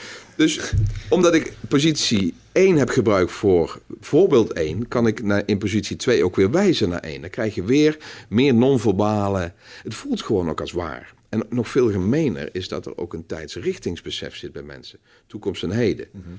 Dus uh, mensen, uh, heden is achter of links. He, nee, sorry, het verleden is uh, links of achter. Het heden zit in je of een beetje in de buurt van je, voor je. Niet vragen waarom, ik heb het ook maar geleerd. En toekomst is naar rechts of naar voren. Dus als ik praat over zaken die een tijdkritische relevantie hebben, ga ik dus ook altijd in die lijn mee. Mm -hmm. Dus alleen gespiegeld. En dat, ja, is, ja, dat is even ja, lastig. dat hoorde ik net. Ja. dus als ik praat over de fouten die wij binnen deze organisatie maakten de afgelopen jaren, wijs ik naar de linkerkant van het publiek. Dus wijs ik vanuit uh, voor mij naar rechts en dat is mijn toekomst. Dus eventjes onnatuurlijk. Maar verbaal gemeenschap gaat niet over natuurlijk. Het gaat over de impact die je bij de ander bereikt. Dus je praat naar de timeline van de anderen. Als ik praat over missies en visies en wat wij in de komende tijd moeten doen, ga ik altijd met mijn bewegingen naar links. En natuurlijk kom je daarmee weg als je dat niet weet. Maar je wil niet dat je publiek ermee wegkomt met jouw onhandigheden. Je wil dat je publiek volledig gefocust zijn. En dat je ze maximaal kunt primen, fompen. En dat ze doen later nooit meer vergeten wat jij wil. Mm -hmm. Dat is verbaalmeesterschap. Dus uh, ook dat is eventjes schakelen voor jezelf. Maar het geeft een enorme waarheidsgevoel. Het klopt gewoon. Als ik uh, bijvoorbeeld in een lange anekdote zit, uh, er zit een onderdeel hoe, hoe ik tot introspectie ben gekomen en heb ontdekt waar mijn kracht werkelijk lag in plaats van IT'er en noem maar op. En dan begin ik op de Riavo en dan neem ik de mensen mee op die podiumposities, op die horizontale as. Mensen hebben het niet in de gaten, het voelt niet als onnatuurlijk robotisch, maar het voelt wel heel goed. En dat is natuurlijk weer waar we mee bezig zijn. Het moet op uh, gevoel kloppen. Dat je mensen meeneemt. Uh, ik kom nog zo, ik zo nog wel even terug op de verticale. Uh, podiumposities. Als je een dialoog speelt, Dus uh, leidinggevende praat met een medewerker in een bepaalde anekdote, ga ik ook die podiumpositie switchen. Dus dan ga ik een stapje naar links en dan ben ik, uh, kan, kan je ook in je non-verbale iets autoritairder doen. Van gooi ik uh, als baas, mm. bla bla. En vervolgens, als de medewerker hem van repliek dient, dus die, dat, die virtuele persoonlijkheden, dan maak ik dus ook een stap. En dan kijk ik naar de baas toe, waar ik eerst stond. Dus dan ben je eigenlijk een soort spelletje. Als je, de koning op dit gebied moet je uh, YouTube zoeken van Eddie Izzard. Hm? Ik, kijk heel veel uh, naar stand-up eh, comedians hoe zij bühne gebruiken. Ah. Eddie Izzard en dan moet je Death Star Canteen. Hij heeft dan een heel verhaal dat in de Death Star... Darth Vader moet soms ook wel eens lunchen. Dan een broodje aan. Hij speelt drie of vier mensen in één dialoog. En je ziet ze binnenkomen. Je ziet dat hij daarmee praat. Het is één persoon die vier rollen speelt. Ja. Nou, dat is de top. Maar daar kun je ook mee spelen. Ja. En wederom, dat is geen presentatietechniek. Dat gaat niet over hoeveel punten je zet op een sheet of hoe je je fucking uh, laserpen hè, zorgt dat hij niet trilt. Dit zijn manipulatieve technieken die zorgen dat er iets achterblijft. Mm Ja. Dat is trouwens iets waar je aan gaat irriteren. Al die dingen die ik nou vertel, ga je missen bij de eerstvolgende leraar die je krijgt. Of heel overdreven terugzien bij iemand die het probeert toe te passen. ja. Stapsgewijs. Ik ga nu naar het verleden en ik maak één stap naar de... Ik heb verticaal nog niet gedaan. Yes. Wat trouwens ook weer een techniek is om eventjes iets te laten hangen en daarna weer een soort closing loop komt uit de hypno. Heel erg leuk. Word je aan alle kanten gemindfuck, joh. Dat is helemaal niet waar. Dat is, heeft ook te maken met NL, NL, hoe heet dat ook weer? Neural en de verticale as gebruik je om uh, alle intensiveringen neer te zetten. Dus uh, van algemeen naar meer detail. Dus naar voren wordt het steeds intiemer, stiekemer, intenser, gedetailleerder. Dus gro grote en grove anekdotes doe ik meestal. Van, van uh, uh, wat verder naar, naar achter. als het, oké, okay, we hebben nou dit model behandeld. Maar nu komt het erop aan dat we het zelf gaan doen. Mhm. Dus dan kom ik iets meer naar voren, richting de zaal. En dan voel je ook meteen dat, dat mensen ook, ja, ja, ja nou, nou moet ik aan de hand. Ik snap het voorbeeld en nou moet ik aan de gang. Dit soort technieken kun je, eh, als je dat goed implementeert, zorgen dat je zelfs bepaalt wanneer mensen gaan schrijven. Dus je kunt door de plek en de houding en de, de stem die je gebruikt maken van oké, eh, je ziet mensen de pen oppakken op momenten dat jij het wil. Je had het straks over pre-pumpers. Dat is trouwens ook wel een techniekje die je dan kunt gebruiken. Als je, als je vindt dat iets belangrijk genoeg is, zodanig dat mensen moeten opschrijven, dan pak je gewoon een pre-pumpertje. Dan zeg je, uiteindelijk zit de crux in het volgende. Snap je? Ehm, de zwaarste die ik heb is deze. Die, die gebruik ik niet vaak. Die moet je dus echt op goede momenten. Mhm. Dit was trouwens ook weer een pre-pumper. Dat zie ik aan jouw gezicht. Want je oh, hij komt, hij komt, hij komt. Uh, wat mij betreft kun je alles vergeten van vandaag. Maar neem in ieder geval dit mee fucking briljant. Dan zie je mm. meteen de pen pakken. Ik durf te beweren dat door de jaren heen de mensen, uh, de aantekeningenboekjes van de mensen in mijn programma's voor 80, 90 procent identiek zijn. Omdat ik ze trigger op bepaalde momenten dat ik vind dat ze, nou, als je toch betrokken bent, schrijf dan DF op. Ja, ja.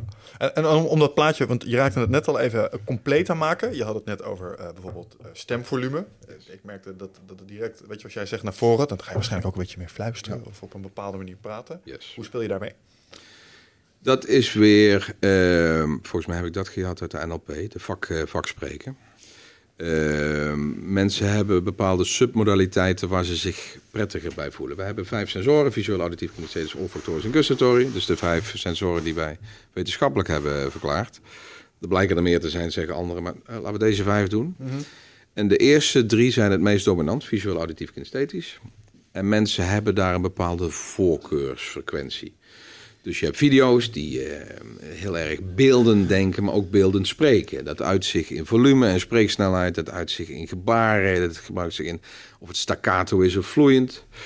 Uh, dan moet ik even schakelen. Auditief zijn op al die facetten iets rustiger, hebben meer pauzes tussen de zinnen, bewegen hooguit in het 40 centimeter segment, een beetje, een beetje wijzend, een beetje bewegend.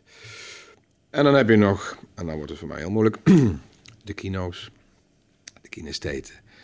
Die uh, met name heel erg vanuit hun gevoel presenteren. En uh, ja, grip willen houden op uh, hun verhaal. En met name Oké. Dat is geen waardeoordeel, want je hebt ook. Keynote, nee, geen keynotes, maar keynote-sprekers die heel veel indruk maken. Eckhart Tolle is een van mijn uh, helden in dat segment. Ik kan hem zelf niet uur na uur want ik zit veel te meer in de hoge energie. En Tulle, die, dat is bijna een soort meditatie. On, ongeacht welk onderwerp die je aan, aan uh, snijdt. Zijn, zijn luisterboeken, die, uh, oh, je kent hem, zijn gewoon gevaarlijk. In de zin van, uh, ik, ik ben er een paar jaar geleden achtergekomen dat ik heel goed kan luisteren. En daarom podcast leuk vind. Ja. Dat ik daar onwijs veel van leer. Toen dacht ik, nou, ik ga zijn boek een keertje, zijn luisterboek. Ik moest gewoon, dat is het enige boek wat gewoon gevaarlijk was in de auto, omdat ik bijna van de slaap viel. ja, hij is, die frequentie die trek ik niet. Nee. Maar je kunt dus met frequentie spelen. Ook dat geeft een uh, bepaalde dynamiek. Want stel dat je alleen maar in je eigen frequentie spreekt, heb je de kans dat je twee derde van je groep verliest. Mhm. Dus mijn uh, voorkeursmodus operandus is, is hoog energetisch. Ik hou van uh, springen in het veld. En, uh, maar als ik dat alleen maar doe, gaan de, de kino's en de audio's die gaan langzaam afstand bij mij voelen. Van, oh mijn god, iets te hoog chakra gehaald. Wat een... Dus ook in zo'n buneblok heb ik dus niet alleen een triple I-focus, maar ook een vakfocus. Wanneer uh, is het zaak om even wat rustiger te worden? Ik, ik combineer het uh, theorieën graag. Hè. Je hebt dat verticale net, waar je dus intensiveringen doet. En dan ga ik naar voren, kun je heel makkelijk kino worden. Van oké jongens, uh, we hebben een hoop gelachen vandaag, maar nou moet je aan de bak. En wee je gebeente als je over tien jaar... Dan ga ik dus prekerig doen. En preken doe je niet schreeuwend dan schrik je, dan spuug je de hele eerste rij vol. Dus dan kun je die, die vakschakelingen combineren met de intensiveringsbewegingen. Ja. Dus nogmaals, het is echt een vak. Dat is heel wat anders dan een doorsnee didactische skills of presentatietechniek. Maar daar krijg je dit soort dingen niet. Nee. Absoluut niet. En ik, ik, ik, wil, ik wil dat niet disqualificeren, want dan plas ik over een enorme deel van de trainingsmarkt heen. Maar ik zou het graag zien dat ze het combineren. Dat je ook dit soort uh, priming technieken en pre-pumpers en podiumposities en hoe je met muziek omgaat. Ik, de, muziek is de, een van de meest effectieve en meest simpele manieren van primen. Hmm. Dus als ik in het ervaringsmoment uh, een bepaalde hersenfrequentie of een bepaald energieveld nodig heb, ga ik een uur, anderhalf van tevoren al andere muziek draaien dan een uur eerder. I don't know. Ik heb bijvoorbeeld ehm, in een van de trainingen zit een, een, een samenwerkingsoefening die blootlegt hoe moeilijk fuseren is. En hoe lastig het is om uh, in de groene zone te blijven met je partner. Dus de samenwerkingsdynamiek. Laat je ze twisteren. Nou, nee. Oeh, dat is wel geil. Hoe moet doen? Huh? Naakt twisteren. Ja, dat is dan jouw invulling. Waarom nou weer naakt dan? Ja. Ik ga pas in een verhaal. Top of mind, top of mind, ja. Ik... Uh, Dirty Joy, hoe heet het? Uh, Dirty Mind is Joy for Life. Ik, ben, eh, ik ga me afmaken.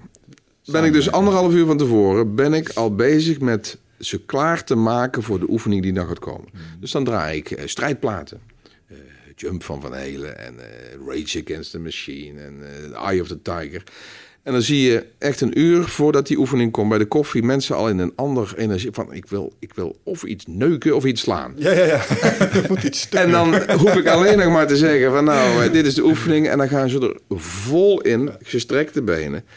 En daarna is het weer zeer confronterend om te zien hoe makkelijk mensen dus uh, fouten maken in communicatie, in, in, in uh, relaties, in de, de emotional bank account. Mm -hmm.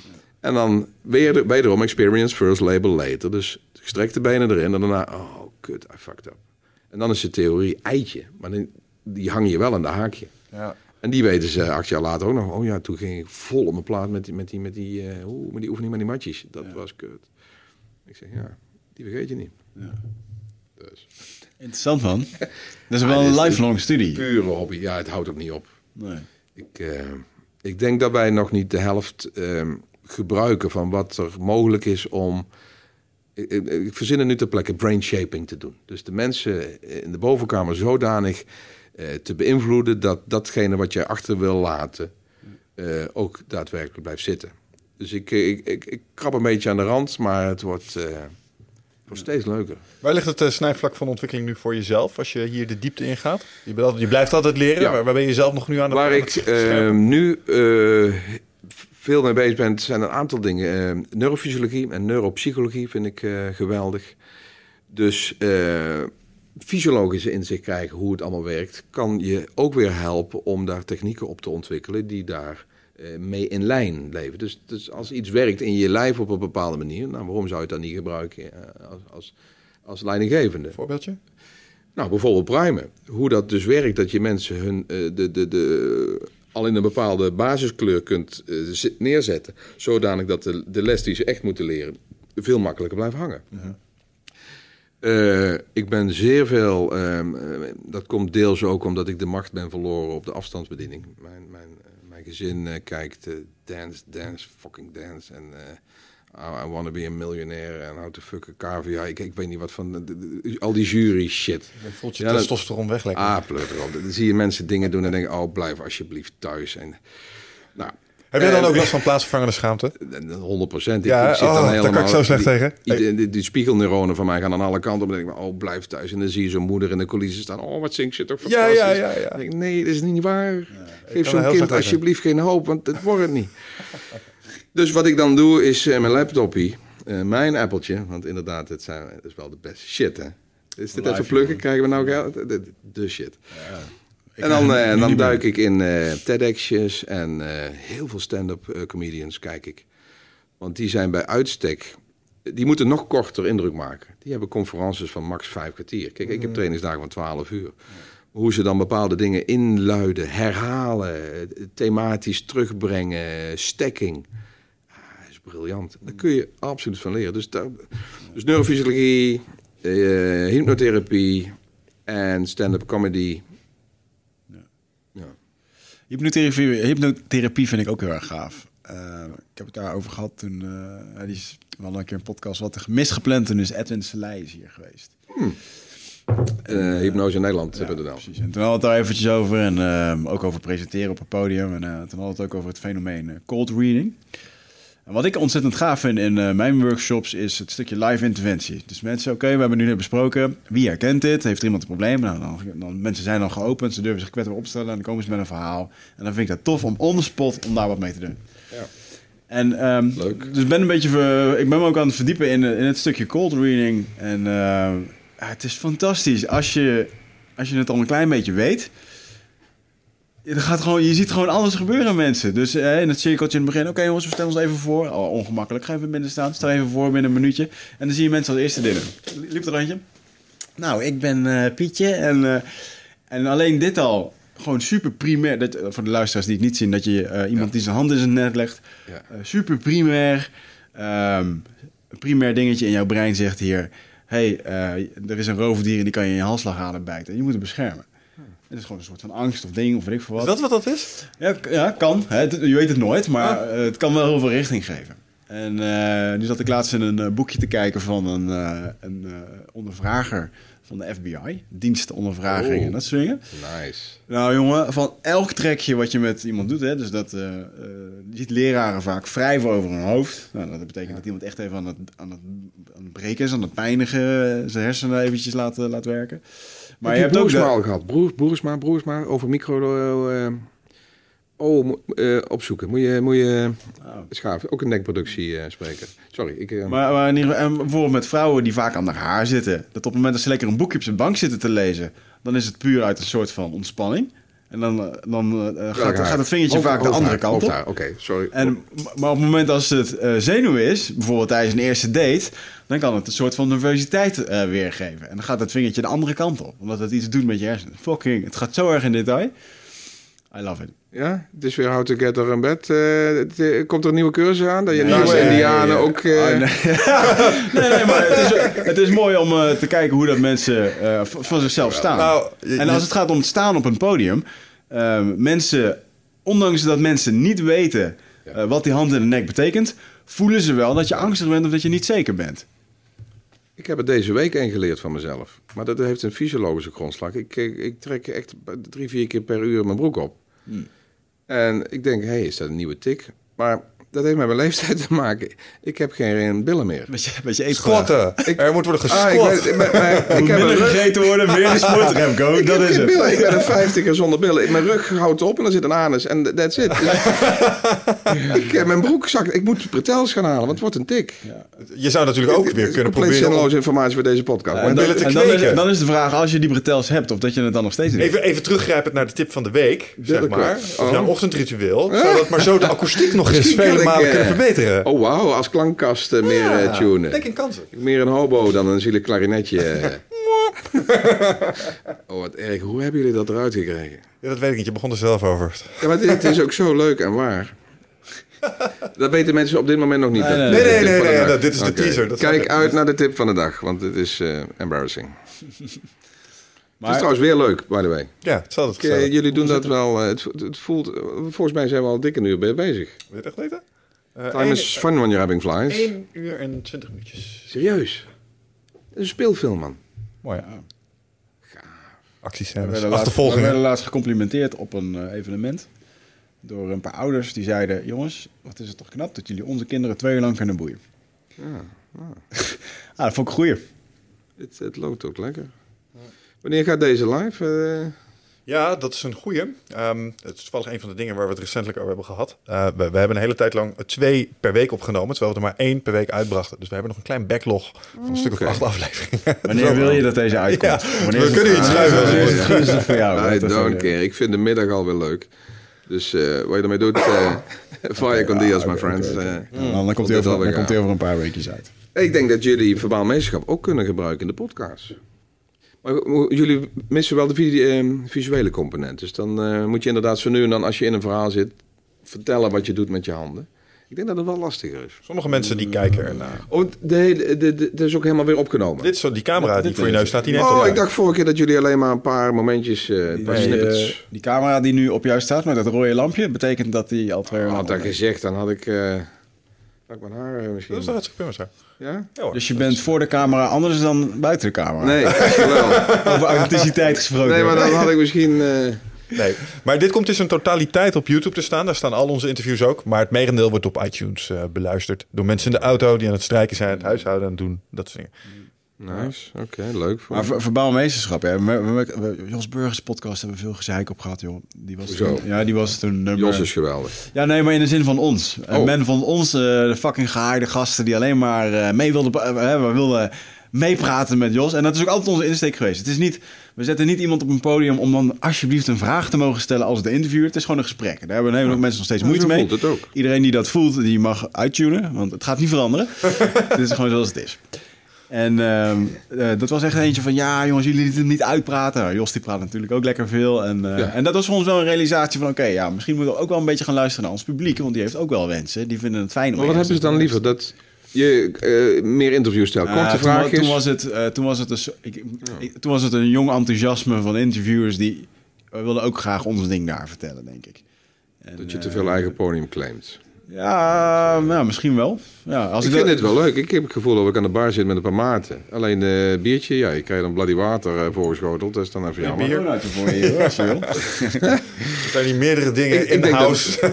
ik denk dat dat het fijnste is voor het publiek. Als ze het gevoel hebben dat mensen op hun gemak zijn. En, uh, Mooi compliment ook wel dat we krijgen. Als mensen zeggen van, ja, ik zat er naar het luisteren en ik wilde invallen, zeg maar. Zo van, ik heb het gevoel dat ik kan inbreken en ook iets kan zeggen. Dat is een mooi compliment.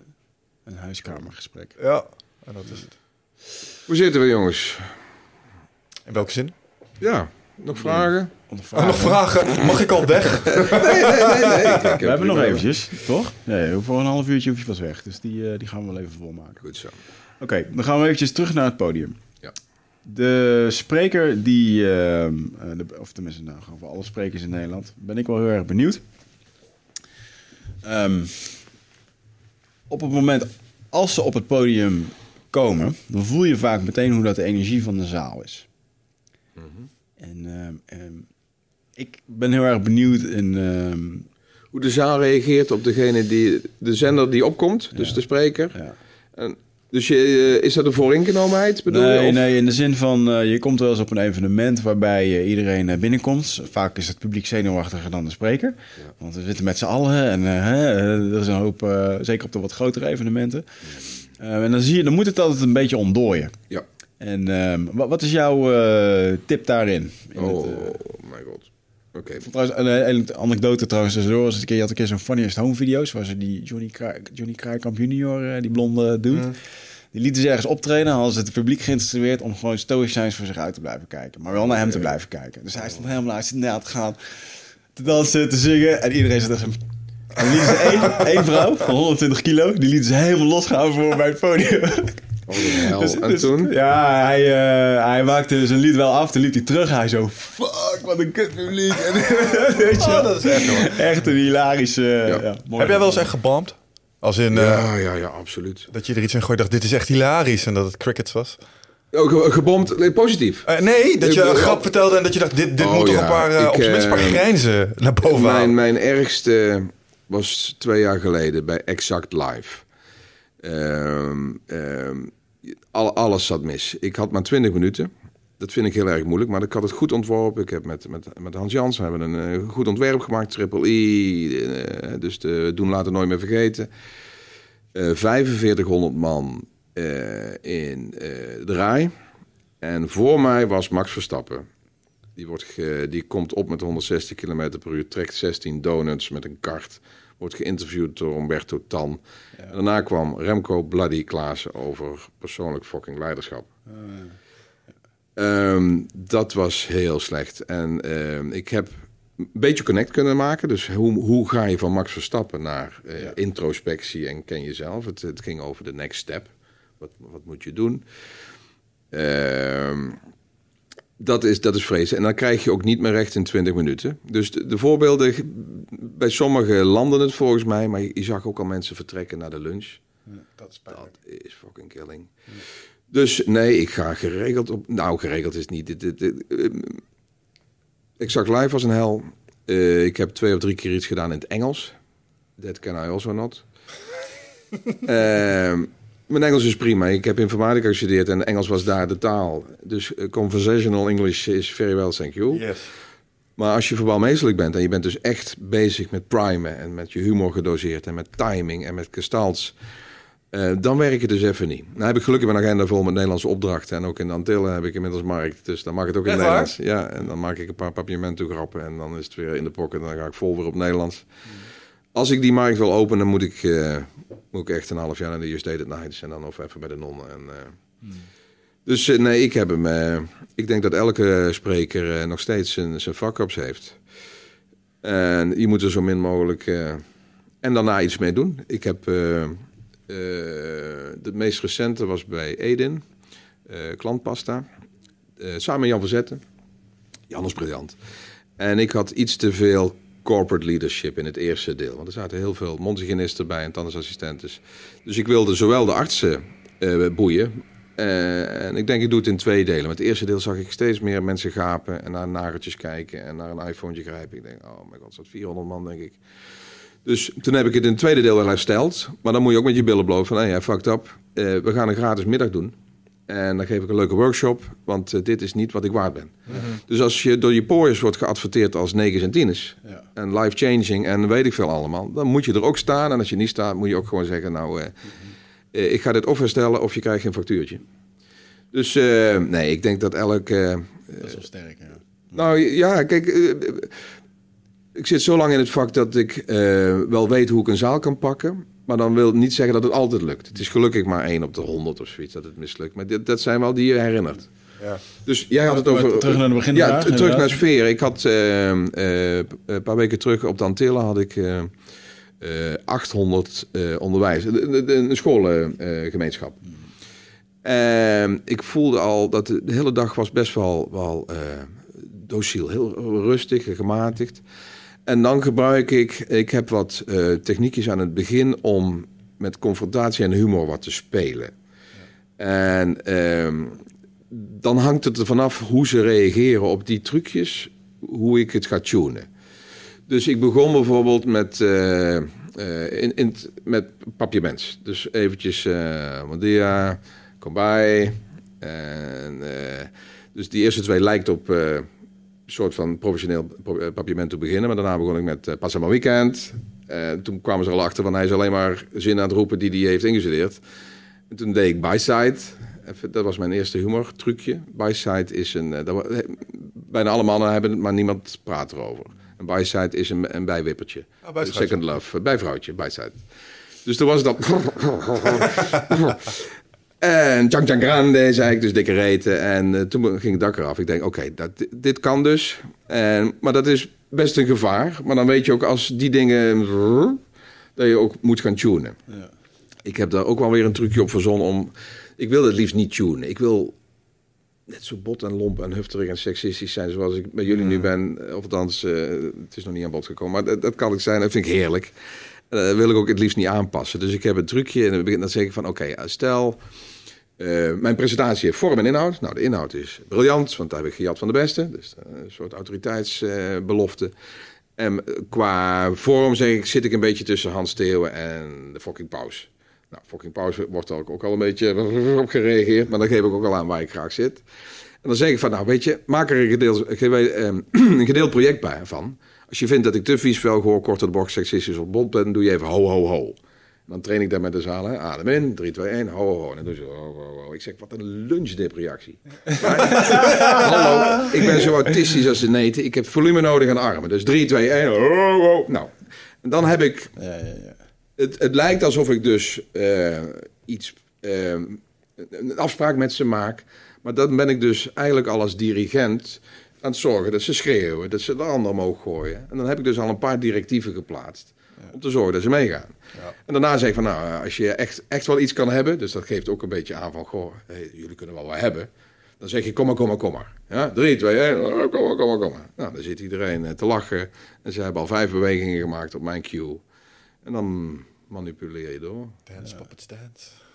Daarom zit ik vaak... Uh, daarom, uh, we hebben toevallig nou iedere over Jan en Jos... Uh, maar er zijn er een hele hoop bij denkproducties. Die, wij zijn altijd de laatste. Omdat wij naast goede content ook snappen hoe je een dag eindigt.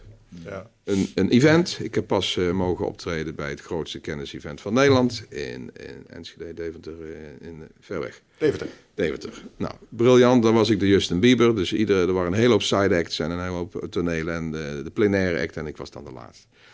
En dan zetten ze me neer omdat ze weten dat de content goed is, maar ook de klik. Dus ik kan met een lach en een traan kan ik een beetje cabaretesk heen en weer gooien. Ik heb ook een fantastisch slot wat altijd leidt tot een staande ovatie. Het is gewoon een techniek, maar het is gewoon een staande ovatie. En dan staat er 900 man te klappen. nou, dat niveau nemen ze mee naar huis. En dan weet de congresboer van oké, okay, uh, ze gaan uh, pepertje mee naar huis, traantje mee naar huis en ze hebben staan te klappen. Ze komen volgend jaar weer. Het is gewoon handel. De congresboer. Ja, ja, ja, je hebt, je hebt sprekersboyers en congresboeren. Je gaat deze tip aan ons vertellen, begrijp ik. De staande ovatietip. Nou, nee, dit is gewoon een anekdote met een lach en een traan en een ondersteunend muziekje. En daar komt een van mijn uh, credo's uit. En, uh, nou, dus dan, ook over authenticiteit. Dat dus- verhaal doet mij nog steeds iets. Dat heb ik 16.000 keer gedaan. En ik raak daar ook gewoon mijn eigen snaar. En dat voelen mensen. Mensen hebben uh, identificatiestress en spiegelneuronen. Dus dan voelen ze dat ik uh, wat emoties raak. Wat move om dat met en, muziek eronder te doen. Want dat kan ook heel snel heel, heel fout uitpakken. Ja, behalve als je het goed doet. Ja, ja duidelijk. En dat blijkt dus. dat dat goed Ja, van, van acte. Nee, maar ook dat zijn weer gewoon geregisseerde... Kijk, uh, Spielberg laat het ook niet aan het toeval over of mensen geboeid blijven. Nee. Spiel, eh, ik denk dat de manier waarop ik mensen train hoe je een buneblok creëert, is hetzelfde als hoe je als producent uh, een, een, een, een, Lord of the Rings maakt. Je zorgt dat er een plot in zit, eh, fases, verwarring, uh, dat mensen non-stop uh, gekluisterd blijven. En dus metafoor is trouwens ook weer een techniek die geweldig werkt. Hè? Dus je hebt iets uitgelegd en daarna ga je het met de metafoor nog een keer uitleggen. Van, goh, dit, dat, dat, dat agile van jullie, hè, dat, heb je wel eens taart gebakken? Ja, en dan, nou ja, natuurlijk. En dan ga je het nog een keer uitleggen, maar dan vanuit de keuken. De, en wat mensen dan leuk vinden, is dat ze zich andermaal herkennen of nog beter. En je herhaalt de, de theorie. Twee keer hetzelfde zeggen vinden mensen paternaliseren. Hallo, ik, I get it. Mhm. Maar I get it is wat anders dan meenemen. En daar worden verbale meesters voor betaald, wat je meeneemt. Dus het is gewoon, ja, hoe regisseer je je speelfilmpjes? Vind het jij hebt ook boeken geschreven. Ik ben nu zelf ook een boek aan het schrijven. Ik heb een cursus gevolgd op de schrijversvakschool. Omdat oh, ik te horen kreeg dat ik niet kon schrijven. Dus dat ben ik gaan doen. Uh -huh.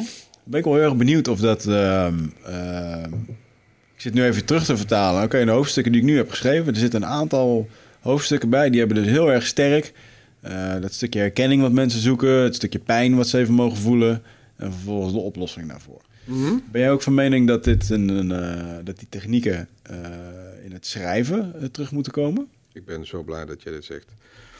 Ehm, ik heb verbaal meesterschap geschreven met verbaal meesterschap technieken. En het, het, werkt exact hetzelfde. Dus ik heb het boek, uh, ik heb mijn pen uh, aan, mijn, aan mijn stemband gehangen en gezegd: Oké, schrijf wat ik normaal zeg. Ja. En daar heb ik dus ook de prepumpers en de connects. En er zit een briefframe in elk begin van de hoofdstuk. En er zitten anekdotelijnen in. En er zitten closing loopjes in. En uh, mensen hebben het gevoel van: ja, het is alsof je tegen me praat. Is ook zo. Ik heb het boek uh, geschreven vanuit de stemband. Ja. Dus alsof je voor me ben, uh, staat en ik ben les aan het geven. Dus uh, ik ben van mening dat verbaal meesterschap ook writers excellence kan betekenen. Als, je als, jij, als jij vol vuur dat wat je voelt en weet in de pen duwt, gaan de mensen op het moment dat ze het lezen gespiegeld weer terugkrijgen. Ja. Dat, je, hebt, je hebt minder macht, nou, dat is ook gelul. Als ik ken mensen die zeggen: ik ga nooit naar een speelfilm, want het boek is leuker.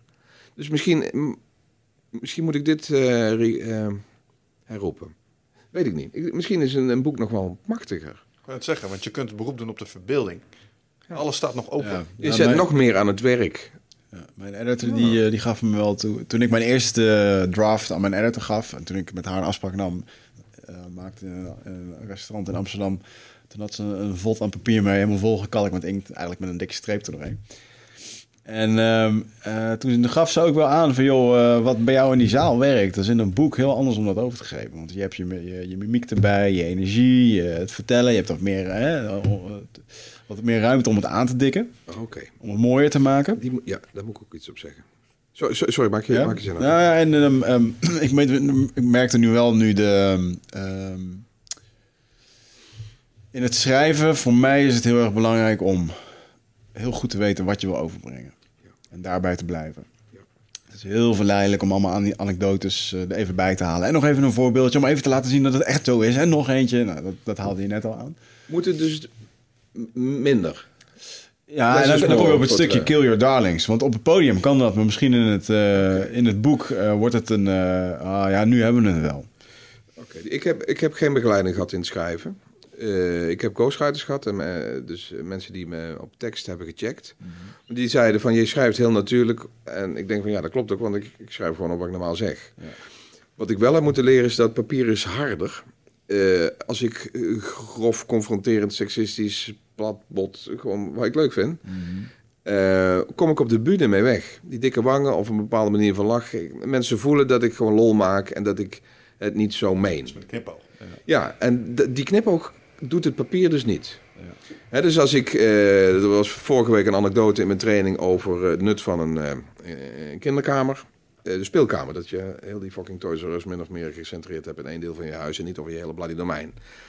En ik maakte als advies, want wij hebben dat ook gedaan, zorg dat de speelkamer wel in, in de buurt van de keuken is.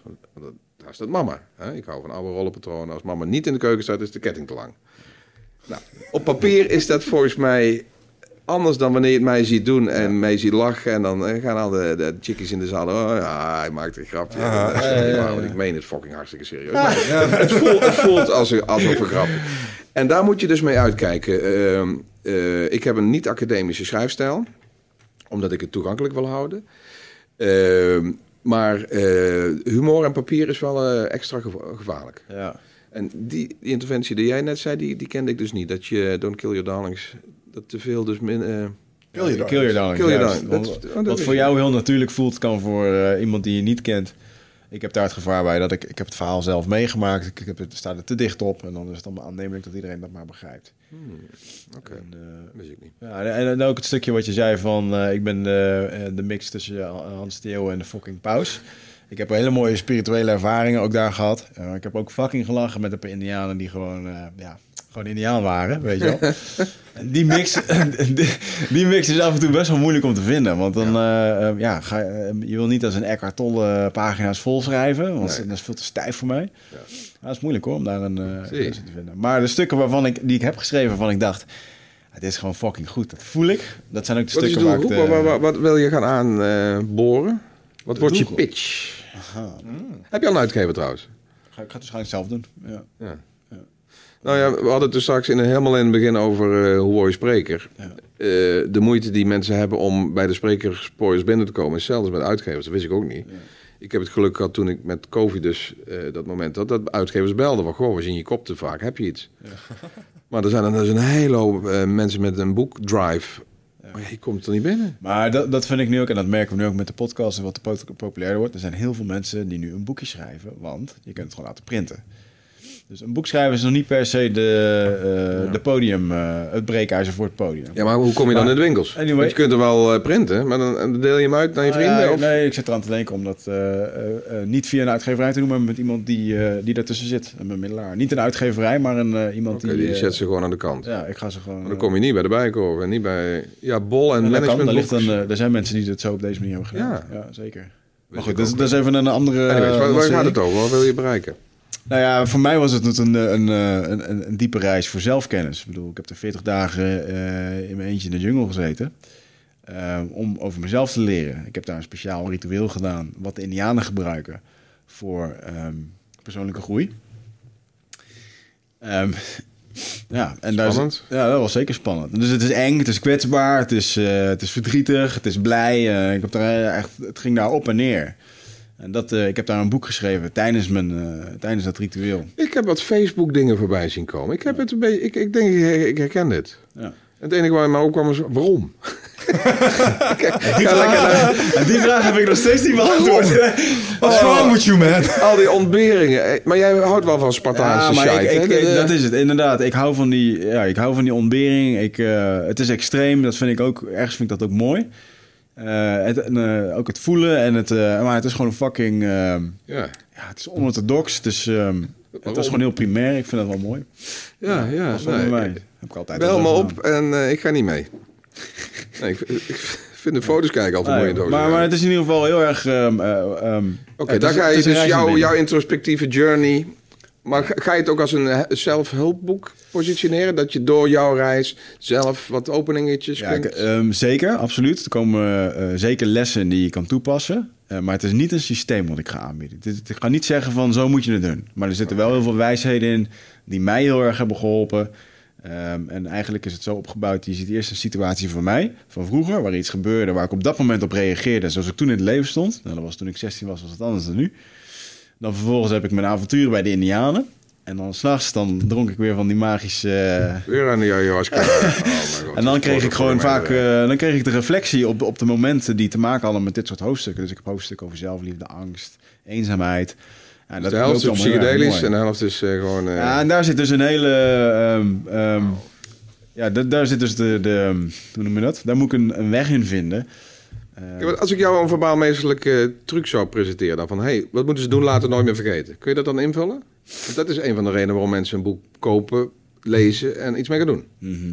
wat, wat, zou dat zijn? Wat wil je dat mensen gaan doen, laten nooit meer vergeten als ze jouw document hebben doorgeworsteld? Uh, nou, de grote boodschap is dat uh, de ware essentie van leiderschap zelfkennis is. Amen. En dat zelfkennis um, iets is wat je, nou, dan moet je induiken. Hè? Zelfkennis, er zijn zo ontzettend veel dingen waar wij mee te maken hebben op allerlei verschillende aspecten. Um, ja, Dat, dat, uh, dat je, daar kan je op heel veel manieren naar teruggaan. Uh, maar eigenlijk wil ik mensen bij, bij 22 verschillende hoofdstukken naar zichzelf laten kijken, naar hun eigen omgeving. Hey, hoe heb ik dit nou eigenlijk gedaan? Inderdaad, hoe zit het nou met, met, met, met angst? En op zo'n eerste date, waarom drinken we dan twee flessen wijn? Niet omdat zo gezellig is, nee, omdat het gewoon je gevoel verdooft. En het is veel te pijnlijk om, hey, je hebt nu weer iemand leuk gevonden. Leuke gozer die Remco. Uh, nou, uh, drink het snel. Want het, het, raakt je gewoon. Dat is waarom dat gebeurt, weet je wel. Kan het ook gewoon in een vijfsterren resort met een paar mooie wijnen. Dat je zonder ontberingen moet het altijd uh, door de pijn. Dat wordt mijn workshop daarna. die ik ga verkopen. Ja, dat we de comfortversie nee, doen. Weet je, maar, maar het is een... Um, uh, ja, het is gewoon mijn weg geweest. En natuurlijk, uh, het is een, en daarnaast is een mooie, mix, een mooie wilde mix van wilde indianenverhalen. Mijn persoonlijke dingen. En uh, ja. ja, daar zitten zeker persoonlijk leiderschapslessen in. Ehm, maar het is niet Unleash the Within van Tony Robbins. Het is eigenlijk gewoon de bedoeling om zoveel mogelijk mensen ook aan de drugs te krijgen. nou ja, het is, Hoe ga je om met smet? Ik heb smetvrees. Als ik daar elke ochtend moet, moet kakken daar achter die palm... Uh, oh, ik heb daar wel het laatste over. Ik heb een keer... Uh, het is dan mooi, hè? Hoe, hoe puur dat die mensen leven en harmonie met de natuur en bla bla bla. Zo spiritueel allemaal, geen oordeel al die mensen. En dan vervolgens dan zie je gewoon een moeder die met een, een kindje zo uh, over die plank heen loopt daar. En dat kindje dat plast gewoon en het gaat gewoon door die doek heen. En zij veegt het gewoon met de voeten tussen, tussen de planken, weet je En dat zijn wel echt gewoon wel, ja, het is wel heel primair. Ja. En uh, smetvrees, ja goed. Uh, Misschien kan ik er vanaf komen door dat kind een paar keer over De laatste keer dat ik er was, heb ik vijf dagen bloed gescheten. Dus dan weet je hoe dat is. Oh, is not goed. Ja. Ja, goed dan. Niet mijn waarom? Ja. ik, ik, ja, waarom? Door water of door weet ik veel wat niet goed is. Of uh, omdat je een stuk apenvlees hebt gegeten wat niet goed uh, is. Oh my god. En, maar goed, uh, ja. Zij gaan dood van onze verkoudheid. En wij van hun parasieten. Ja. Oké. Okay. Zo is het wel, ja. Beste luisteraars, dit was het onderdeel uh, Useless Travels en uh, How to Ik vind het dan heel leuk om, hier te, om dit eens tegen jou aan te houden. Want um, ik heb natuurlijk nu mijn, mijn eigen lezingen gedaan. Dus, mijn eigen reis. Het slaat erg goed aan. Ik vind het leuk om lezingen te geven. En nu heb ik dan besloten, oké, ik wil ook graag, ik wil graag fulltime dit doen. Ja. nu heb ik dat hele mooie persoonlijke verhaal. Maar ik wil ook graag een verhaal, een tweede soort presentatie aanbieden voor bedrijven hoe, um, hoe een bedrijf fungeert als een stam. Als een stam hè? Hoe, wordt het een, hoe wordt een directeur weer een stam? Heb je Jitske Kramer al gehad? En haar... Oh, ik ben... Sorry, sorry Jitske, ik ben je partner kwijt. De, de, Die dat boek hebben geschreven? Ja, de, de Tribes. Nee, ik heb daar nog niet... Uh, ik heb je mijn, moet achter de microfoon, ik heb, ik heb mijn eigen versie uh, daarvoor. Oh, sorry. Uh, Oké, je wil eerst... Zij zijn de enemy. Ja. Zij zijn de concurrent. Nee, ik, weet, ik, weet wel, nee, nee, nee, ik weet welk boek het is. Ik moet het eigenlijk nog lezen. Ik heb het helemaal ik, niet... Ik denk dat als jij met een mooie fles wijn en een corporate bril jouw verhaal bekijkt naar hoe zou dat een reis van een afdeling kunnen eh, helpen, dat je dat zo bij elkaar verzint. Ja. Ik, wat ik mooi vind aan de leiderschapskennisdomein is dat het schaalbaar is. Of je nou leiding geeft aan 10.000 man of aan 10 of aan een gezin of aan je, je wil je huwelijk een beetje op het pad houden. Of je eigen leven. De, alle wetten zijn schaalbaar. Uh-huh. Dus ik heb nog niks gevonden wat niet uh, wat op corporate level werkt en niet ook werkt op individueel en andersom. Ja. Dus ik denk dat het een heel licht... Uh, dat is geen probleem. Als jij je boek af hebt, dus de eerste brain dump, heart dump van alles wat je hebt meegemaakt... en je gaat daarna met je maatje hier kijken van hoe verhoudt zich dat naar een afdeling... heb je zo voor elkaar. Ja. Het is allemaal hetzelfde. Daarom ehm, hebben we op een gegeven moment ook ik de workshop gemaakt... en ben ik zeer laagdrempelig ook persoonlijke ontwikkeling gaan doen... vanuit de leiderschapskennisdomein omdat hoe je een, grote organisatie op koers houdt, exact dezelfde stappen vergt als uh, hoe je als individu je carrière een beetje op de rit zet. Ja. Ideaal. Ik, ik, verwacht daar geen probleem en anders kom ik nog wel een keer langs en dan uh, help hoe, ik hoe heet die, uh, die mevrouw? Dan ga ik haar even Jitske Kramer. Maar die heeft het niet alleen geschreven. Dus ik, nou, ik weet dat er twee dames zijn hè? uit Utrecht volgens mij. Dat, ook als spreekster top trouwens. Leuk. Ja. Mooi man. Goeie stuff hè? Allemaal. Ja, het is eindeloos interessant. Ik bedoel, uh... Heb je nou een keer ayahuasca gedaan? Heb je nou een keer aan LSD gezeten? Ja, ik, ik krijg die vragen van, eh, van die fans van jullie. Van hoe is met die Klaas? Is hij al ondergegaan? nou, dat is wel het, wat mij net opviel. Uh, van alles wat je hebt onthouden. Ayahuasca is in ieder geval blijven plakken. ja, holy fuck man. Ik, ik, ben gewoon denk ik te bang nog. Ik, uh, wie weet dat ik het ooit nog een keer doe. Maar dat zei ik volgens mij de eerste podcast ook. Um, ik, ik denk dat het, het, het, het controle ding je gaat dus uit. Of althans, je gaat uh, schakelen op een andere deel van je hersenen. En uh, misschien als ik de, de papa-rol... Uh, ik denk, ben bang dat het misgaat, denk ik ook. Ik kan me voorstellen. en ik, dat mijn, mijn agenda, kijk, als ik vanmiddag een sessie doe, ik moet er donderdag wel staan. Ja, maar is vanavond weer... Dat vind ik dan wel grappig, hè? Want zoals jij, en als ik er nu zo naar mag kijken, als ik jou nu praat over met wat voor volledige controle jij eigenlijk op een podium wil staan. Met alle methodieken en trucjes en dingetjes. Dat is iets wat je daar los moet laten. Dus is dat dan niet ook de angst? Dat is denk ik de... Nou, ik, ga hem, ik ga hem mijn hals even vasthouden, want... Ja. Ik, ik blijf... Ja, ja, ik zie het, ik zie het. ja, ik ben wel een controlfreak. Maar het kan kleiner. Volgens mij hebben we het laatste Mini ayahuasca. Ja, gewoon, gewoon TIT en dan een kwartiertje terug. floten. Floten. Floten. Floten. Ga je een bak water liggen op lichaamstemperatuur met heel veel zout Heb ik een keer gedaan. Ja, ja toen had ik mijn, zo'n klein beginnetje aan mijn zakje scoren die ochtend. En, en dat was, dat was minder prettig. dat ja, had daar even verteld. Ik heb een keer gefloten, ja, maar dat deed pijn. Ik herken dat probleem. Ik dacht, wat is hier aan de hand? Als je een mondje hebt, dan... Uh, ja, is niet goed. Dat, uh, Don't shave your sack. maar dat, uh, dat, kwartiertje, dat kwartiertje DMT roken, dat, laatst hadden we daar ook een vriend van ons die dat wil doen. Hey, ik doe dan wel een kwartiertje, dat is beter. Luister, vergelijk het met een, vergelijk het met een pretpark. Ayahuasca is de droomvlucht. je wordt netjes ergens heen gebracht. Er zit een hele mooie verhaallijn in. En je wordt daarna ook weer neergezet. Kan eng zijn, kan mooi zijn. Die, die 15 minuten trip met dat DMT roken, dat is gewoon een fucking python. Keer 10. Oh, is niet goed. Dus, um, maar ik blijf je gewoon uitnodigen via Facebook voor dit soort uh, opportunities. En, uh, maar doe je dat ook geregeld? Het is niet één keer, gaan we er gewoon elk jaar uh, zo'n tripje bouwen? Ja, voor mij is het gewoon een way of life. Bedoel, ik blijf ja, maar jij gaat ook zitten schijnen op een palm. je bent niet een average... voor mij is het gewoon... ik, ik, ik, ik opereer heel makkelijk in die, in die realm van, van dat. Daarom ga ik graag naar de Indianen toe en dan, kan dat ook gewoon allemaal. Het, is ook wel, het is ook wel een beetje hip om, om psychedelische middelen een plek te geven tegenwoordig. Misschien een soort van microdoseren? Als XIT, ja, van zoals van Silicon Valley gehoord, toch? Ja. ja. Al die slimme mensen daar, die nemen tegenwoordig hele kleine, aan het begin van de dag, hele kleine beetjes of paddo's of zelfs LSD. Uh, eh, subperceptueel, zodat je er geen last van hebt. Um, in de zin van dat je rijvaardigheid en zo opentrekt. Uh. Nou, dat is het idee. En dat uh, verhoogt je energie en dat soort dingen. Dus je ziet wel dat... Um, en ik denk dat mede iemand als Joe Rogan daar ook aan heeft bijgedragen. Want die heeft ons ook op het spoor van DMT gezet en zo. Dat er een soort, ja, net als in de jaren 60, een soort new wave gaande is. Waarbij die drugs een soort rol spelen. Alleen nu gaat het allemaal vanuit het kader van persoonlijke groei en ontwikkeling en het optimaliseren van je psyche en dat soort dingen. Maar het is een, uh, ja, het is een thema. Het is bijna geaccepteerd. Ik, ik, hoorde pas van, uh, kijk, mijn, uh, mijn kinderen studeren en die horen dus dat advocaten en medici, dat, het is gewoon heel gangbaar. Die werken zich door hun, hun shift heen, door wat bij te poppen hier en daar. Wat pop is ook, uh, dat was goed, hè? Was ja, ja maar daar heb je, dan heb je meer over de, de Adderalls en dat soort dingen. Dat Natuurlijk, dan heb ik het over de Adderalls. Dat is slechte... Adderall. De slechte ja. Ik weet niet waar ik het over heb, maar over iets anders dan een, een sinaasappel om, om door de dag te komen. En mhm. dat is gewoon ja, geaccepteerd. Ik denk, je, je misschien gehoord van die uh, Ritalin-moeders? Dat, dat, zijn dan moeders die nemen de, de ADHD-medicatie van hun kinderen, zeg maar, om zich uh, peppy te voelen, zeg maar. Want op ons werkt die medicatie anders. Of nou, op ons, ik denk dat het mij de, de kalmerende werking zijn. Is dat iets wat in Deventer bestaat? Of ik heb het nog nooit gehoord? Nope, nope, nope, nope. Nee, dus als je Ritalin neemt, als jij Ritalin neemt, en je bent geen ADHD, heeft dat een andere uitwerking. Ja, dat is gewoon uh, amfetamine, recept van je kind kun je trippen. Dat was het idee een beetje. En ik denk dat er wel professionals zijn, zoals artsen en dat soort... Uh, mensen die iets nemen uh, ja, om, om zichzelf op te peppen. Ja.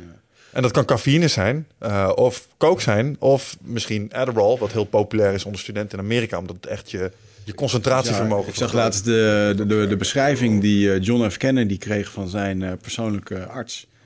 Uh, met amfetamine, die kregen hetzelfde als Hitler, John F. Kennedy, kregen gewoon allemaal amfetamine toegespoten. Is dat ook niet verhaal van Trump? Dat hij echt ook gewoon eigenlijk feitelijk overeind loopt... omdat ze hem gewoon helemaal vol oh supplementeren? Ja hoor. Ah man, dat is echt... Bizar. En, uh, maar, maar, waar gaat dit naartoe? Kijk, ik, ik, ik heb, dit, ik heb die afslag gemist. Mm Evidently. Want ik, ik, hoor allemaal termen, ik weet niet... Eh, nou, ik denk wat dit, wat dit is, mensen die dit doen, die, die hebben een... Um, gemis in het leven? Nou, niet een gemis. Die, die proberen iets te bereiken uh, zonder zeg maar de, de werk-privé-balans daarbij uh, in acht te nemen. Dus die plegen roofbouw op zichzelf. Dus ze willen een soort gedrag omwille van een bepaalde ambitie of een bepaalde behoefte aan geld dit of succes. Dit zijn performance enhancers. Ja, niet, ja, want jij doet je, reizen. Jij ik, maakt, ik heb het over bewustzijnsverruiming. Niet over een Adderall waarbij je productiviteitsverhoging probeert te krijgen door um, een stimulant te nemen want psychedelica zijn niet per se stimulanten als een amfetamine. Of als een cafeïne, uh, waarbij je echt een onwijze upper krijgt. Maar tegelijkertijd doen mensen het wel om zich beter te voelen en zich beter te gedragen. Dus dat hebben ze overeenkomstig. Ja, ja, klopt. Alleen denk ik een Adderall is verslavend en psychedelica niet. Ik wou dat de podcast luisteraars mijn gezicht nu zagen. Waarom? Ik ben blij dat ik die touched. Ik, ik, ik, uh... dit heeft, dit, uh, hier heb jij niks mee. Ja, nou, ik, ja, nee. Ik, uh, ik ben een aantekening aan het maken. Adderall, ik ga het opzoeken. Uh, dit is echt een, uh, de plaag van... Uh... Oké, het is dus niet goed. Adderall, Want, nou, Adderall...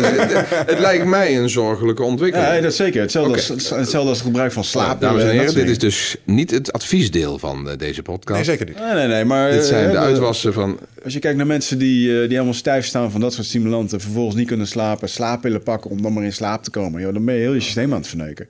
Maar als je af en toe een keer een paar druppels pakt van iets wat, uh, wat je bewustzijn verruimt, waardoor je anders naar dingen kan kijken, ja, dat kan heel waardevol okay, zijn. Een exploratief, avontuurlijke episode is leuk. En maar niet dat het een onderdeel wordt van je dagelijkse palet. Nee, want dat, dat zal het ook nooit. Uh, psychedelica heeft ook de eigenschap dat dat zich niet over zich afroept. Je kan niet verslaafd, ra verslaafd raken aan psychedelica. Oh. Er kan een emotionele afhankelijk zijn, zijn van... oh, weer onwijs veel problemen. Heb ik ook gehad dat ik weer ayahuasca ging doen... bij elke poep en gegeten die ik uh, voelde. Hè, want ik wil weer wat oplossen. Maar dat is uiteindelijk ook de reis. Dat je dat gaat beseffen dat dat niet het ding is. En dat is wel wat psychedelica in. Gaat elke podcast uiteindelijk ook over drugs? Of het is nou de tweede keer dat je... Nee, ja. Maar dat roep jij gewoon over ons. Oh, ja, ja, ja, ja, Jij zei vorige keer... jij zei vorige keer, dat staat nog op mijn lijstje, dat wilde ik doen. Nou, staat niet op mijn lijstje. Iedereen pleurt het op mijn lijstje. Heb je hem al gedaan? Want dat is de echt... Hè, jij, bent jij, riep, jij riep het toen dat je het wilde. Nou, ja, weet ik niet. Ik weet nog dat jij toen binnenkwam dat je zei... Dat is bizar dat je het erover hebt. Ik heb hier vanochtend opgeschreven ja. ayahuasca. Ja, het, ja, het is van mijn bucketlist af. Hmm. nee, ik, ik trek dit niet. Oh, dat hoeft ook niet. Hoeft ook niet. je hoeft ook niet te trekken. Trekken, trekken is nou trouwens nog wel dat een... Zou nog, doe je ook niet tijdens, maar... Zullen we terug naar verbaal gaan? Of sprekers worden? Of, uh, of zijn we... Uh... er zitten mensen hier te luisteren. In de file, denk ik uh, nu. Ja, gek genoeg. En ik, ik snap je initiële twijfel wel. Want die had ik in het begin ook toen we hierover begonnen te kletsen. Hoe ongelooflijk interessant mensen dit vinden. En eh, dit zijn echt de favoriete onderwerpen van een heleboel luisteraars. Als we hierover spreken en de consequenties die dat heeft. Want de daad op zich is natuurlijk uh, een ding. Maar ja, het is onmiskenbaar dat het mensen toch wel aan het denken zet op een bepaalde manier. Oké. Okay. Grijpen we terug een uur geleden. Heb ik dus een van die bestuurders eventjes uh, geschandpaald. Ik ben de mensen, mensen, ben de mensen, mensen, ben. Zou zo'n persoon door die, die valse lagen heen kunnen breken door zo'n trip? Van, hey, listen, ik spoor voor geen meter. Ik ben een, een zuigende zombie en ik denk dat ik een empaat ben. 100%. En het zal je altijd een inzicht geven uh, dat jou helpt. Dus het zal nooit zeggen, want je, niemand is slecht. Dus op het moment als je contact maakt met datgene wat je die inzicht geeft, ik noem het eventjes de bron of wat dan ook, um, dan zal het je altijd een advies geven wat ervoor zorgt dat, het, dat, je, dat je leven makkelijker maakt. Het zal nooit zeggen dat je slecht bent. Het is dus dat je altijd opbouwend. Zoals ik dat heb ervaren, dus niemand heeft een, uh, foute trip? Of een Ik heb absoluut uh, wel eens te horen gekregen van... hey, dat wat je toen hebt gedaan was niet correct, was niet juist. Maar altijd met het besef van... hey, je deed dat wel op dat moment... met de kennis, met de intelligentie, met de emoties die je op dat moment had. Volgende keer gaan we het anders doen. Oké, groot project. Zou je Trump empathisch kunnen krijgen? En zelfbewust en minder narcistisch? Zou zo'n persoon met een paar tripjes tot ontdekken komen... jongens, ik spoor niet en ik ben de hele wereld aan... Nou, dan, dan, dan, je hebt ook te maken met omgevingsfactoren. En ik denk dat dat zeker kan gebeuren. Ik bedoel, er zijn uh, talloze meldingen van mensen... die een life-changing ervaring hebben gehad... of dingen anders zijn gaan doen. Maar het heeft ook absoluut tijd nodig om te rijpen, om te landen, om te integreren. En ik denk dat een, eh, een Trump meer dan één glans nodig gaat hebben... om, uh, om uit die situatie te komen. waar moet je beginnen? Ik vind hem zo reet interessant. Ik was denk ik de enige die heel de nacht is opgebleven toen. En, en uiteindelijk, was dat en uiteindelijk is hij het ook niet die de verandering maakt. Dat zijn toch de mensen zelf. De mensen om hem heen, of wat bedoel je? Nee, het volk. Als het volk ergens een vuist maakt, dan, dan zwicht zo iemand ook.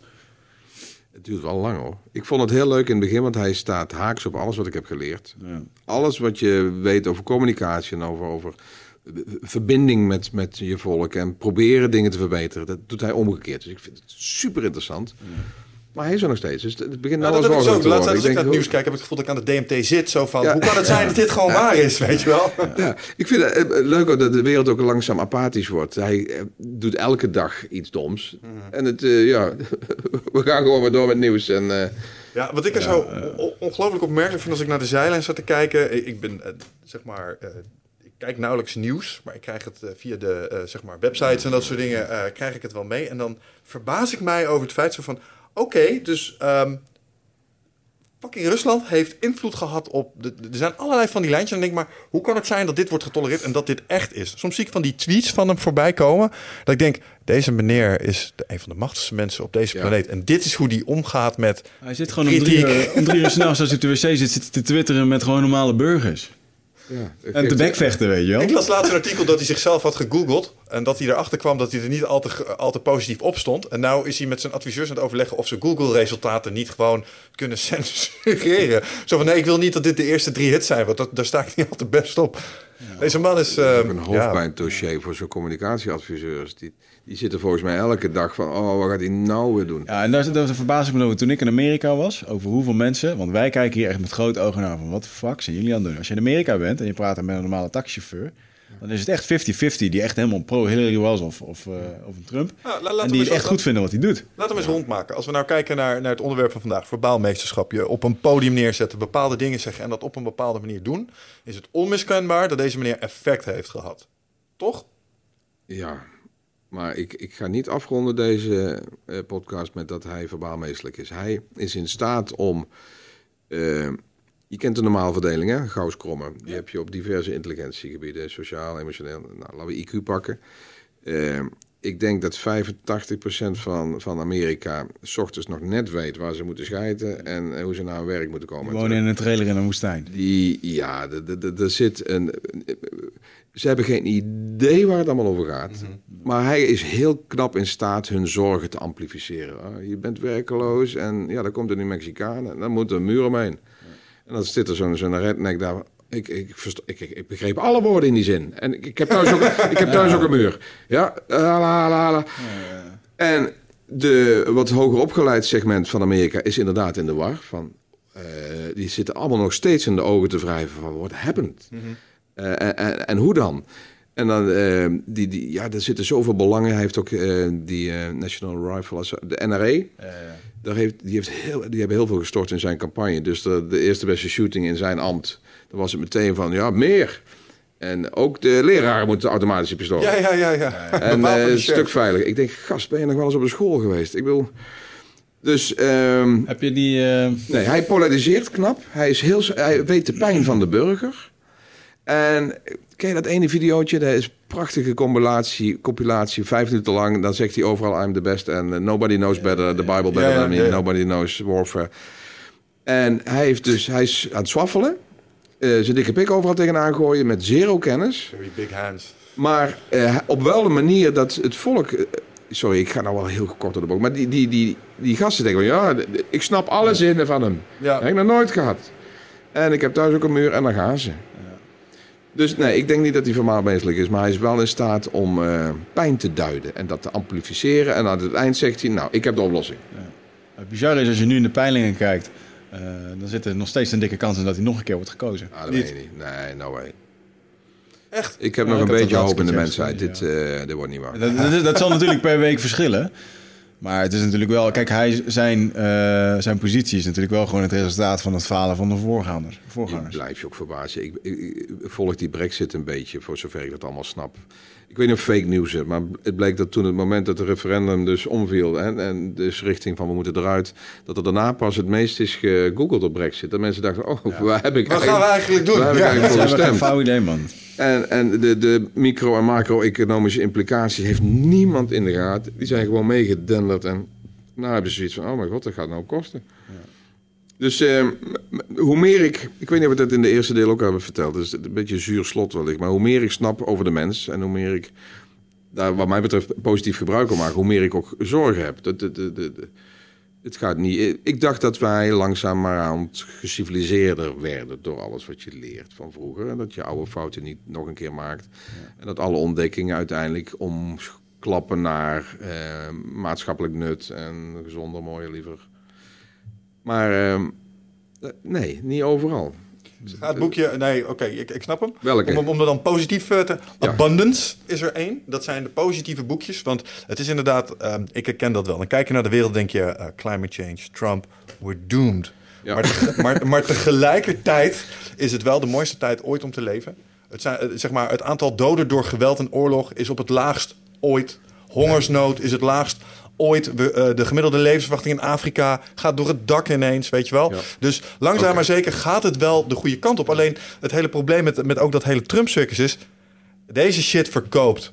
Weet je wat, Trump en dat hele circus eromheen, we, smullen ervan. Want als je het hebt over die gloeiende amygdala's, zeg maar, dat is wat ons default neural network zoekt. Danger. En als we het vinden, vinden we het mooi.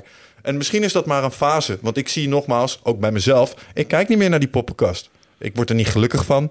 Ik wil wel weten wat er gebeurt in de wereld. Maar tegelijkertijd neem ik het met een korrel ja, je, wil, je wil ook niet volledig detached raken van de wereld. Maar ik, ik hoop dat je gelijk hebt. Ik denk dat uh, wij mensen hebben niet de neiging van nature om uh, abundance thinking te doen. Het overvloedsdenken is echt wel een hele geciviliseerde interventie. Wij hebben van nature dat schaarste. Delen is niet onze natuur, want delen betekent doodgaan. Ja. Dus uh, vasthouden van vo eten is niet alleen biologisch, maar ook evolutionair ons ding. Ja. Dus het is niet onze natuur. En ik hoop dat je gelijk hebt dat het wel ontstaat. Nou, wat wij moeten gaan doen in de komende periode is ons vrijvechten van die systemen die ons heel erg op de savanne hebben gediend. Zeg maar die evolutionaire bagage, die moet er af. Want als je kijkt naar wat wij dachten van bijvoorbeeld internet is een mooi voorbeeld en Trump is daar een uitwas van. Wij dachten internet wordt een deling van kennis en wetenschap en iedereen gaat elkaar daarin vinden. Ja. Maar het doet het tegenovergestelde. Zeg maar die echokamers, het, het, het werkt tribalism, iets wat we daar straks als een, uh, als een plus hadden, juist heel erg in de hand. Want waarom werken tribes? Het is wij tegen de rest. En dat is wat die technologie nu zeg maar heel erg in de hand speelt. Maar we zijn er ook niet blind voor. Dus misschien vijf jaar van nu gaan we daar beter mee om. Hè? Maar denk je dat echt dat over 50 jaar hebben we nog steeds een politiek leider? Waarbij iedereen nog, we hebben nog steeds dit soort discussies. Dat hadden, we, dat hadden mensen destijds bij, bij Genghis Khan hadden ze dat ook. Die deed ook rare beslissingen. Die was niet veel anders dan Trump. Alleen aan zijn eigen tijd en op zijn eigen manier. Ja. Ik denk, als we dan toch het onderwerp erbij halen als slot dat er een grotere noodzaak is voor mensen om verbaal meesterlijker te communiceren. Want we moeten dus tegen die stroming in van het toeteren van negativiteit en fake nieuws. De, de waarheid en het positieve opbouwende ook hard laten horen en hard impact laten hebben. Ja. En dan kan niet meer met oude tools. Het, het, gaat tegenwoordig, denk ik, en daar ligt de waarde, en daar is vermaal meesterschap belangrijk in, in een normale dialoog met elkaar kunnen voeren. Want het zijn nu allemaal soundbites. Het moet allemaal in één zin, omwille van die aandachtseconomie die we hebben. En ik denk dat als je echt tot oplossingen wil komen, moet je genuanceerde dialogen met elkaar aan kunnen gaan. En ik denk dat de manier waarop je dan je boodschap, je inhoud, zeg maar, weet te brengen, uh, het aan weet te passen aan het publiek.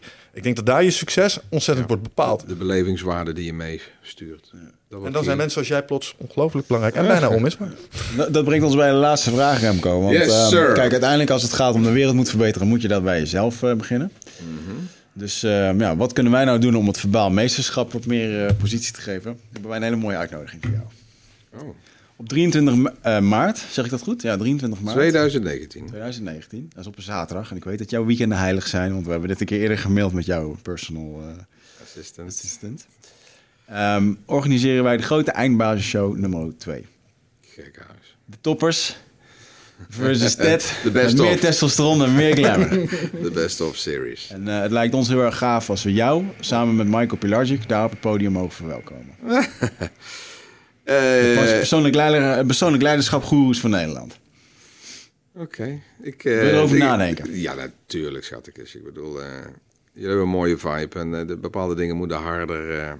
alle bunes die je krijgt om dit te delen, moet je pakken. Dus ik, ga, ik ga geen belofte doen, want stel dat ik niet kan, dan heb ik het weer gedaan. Mm -hmm. die ayahuasca dat blijft ook terugveren iedere keer. Ik ga geen belofte meer maken. Maar je hebt mijn aandacht en uh, ik vind het leuk om daaraan bij te dragen. Okay. We zullen contact leggen met je pooier. Oké man, helemaal te gek. Top, Dankjewel. Uh, hartstikke bedankt. Tot de volgende keer. Ciao.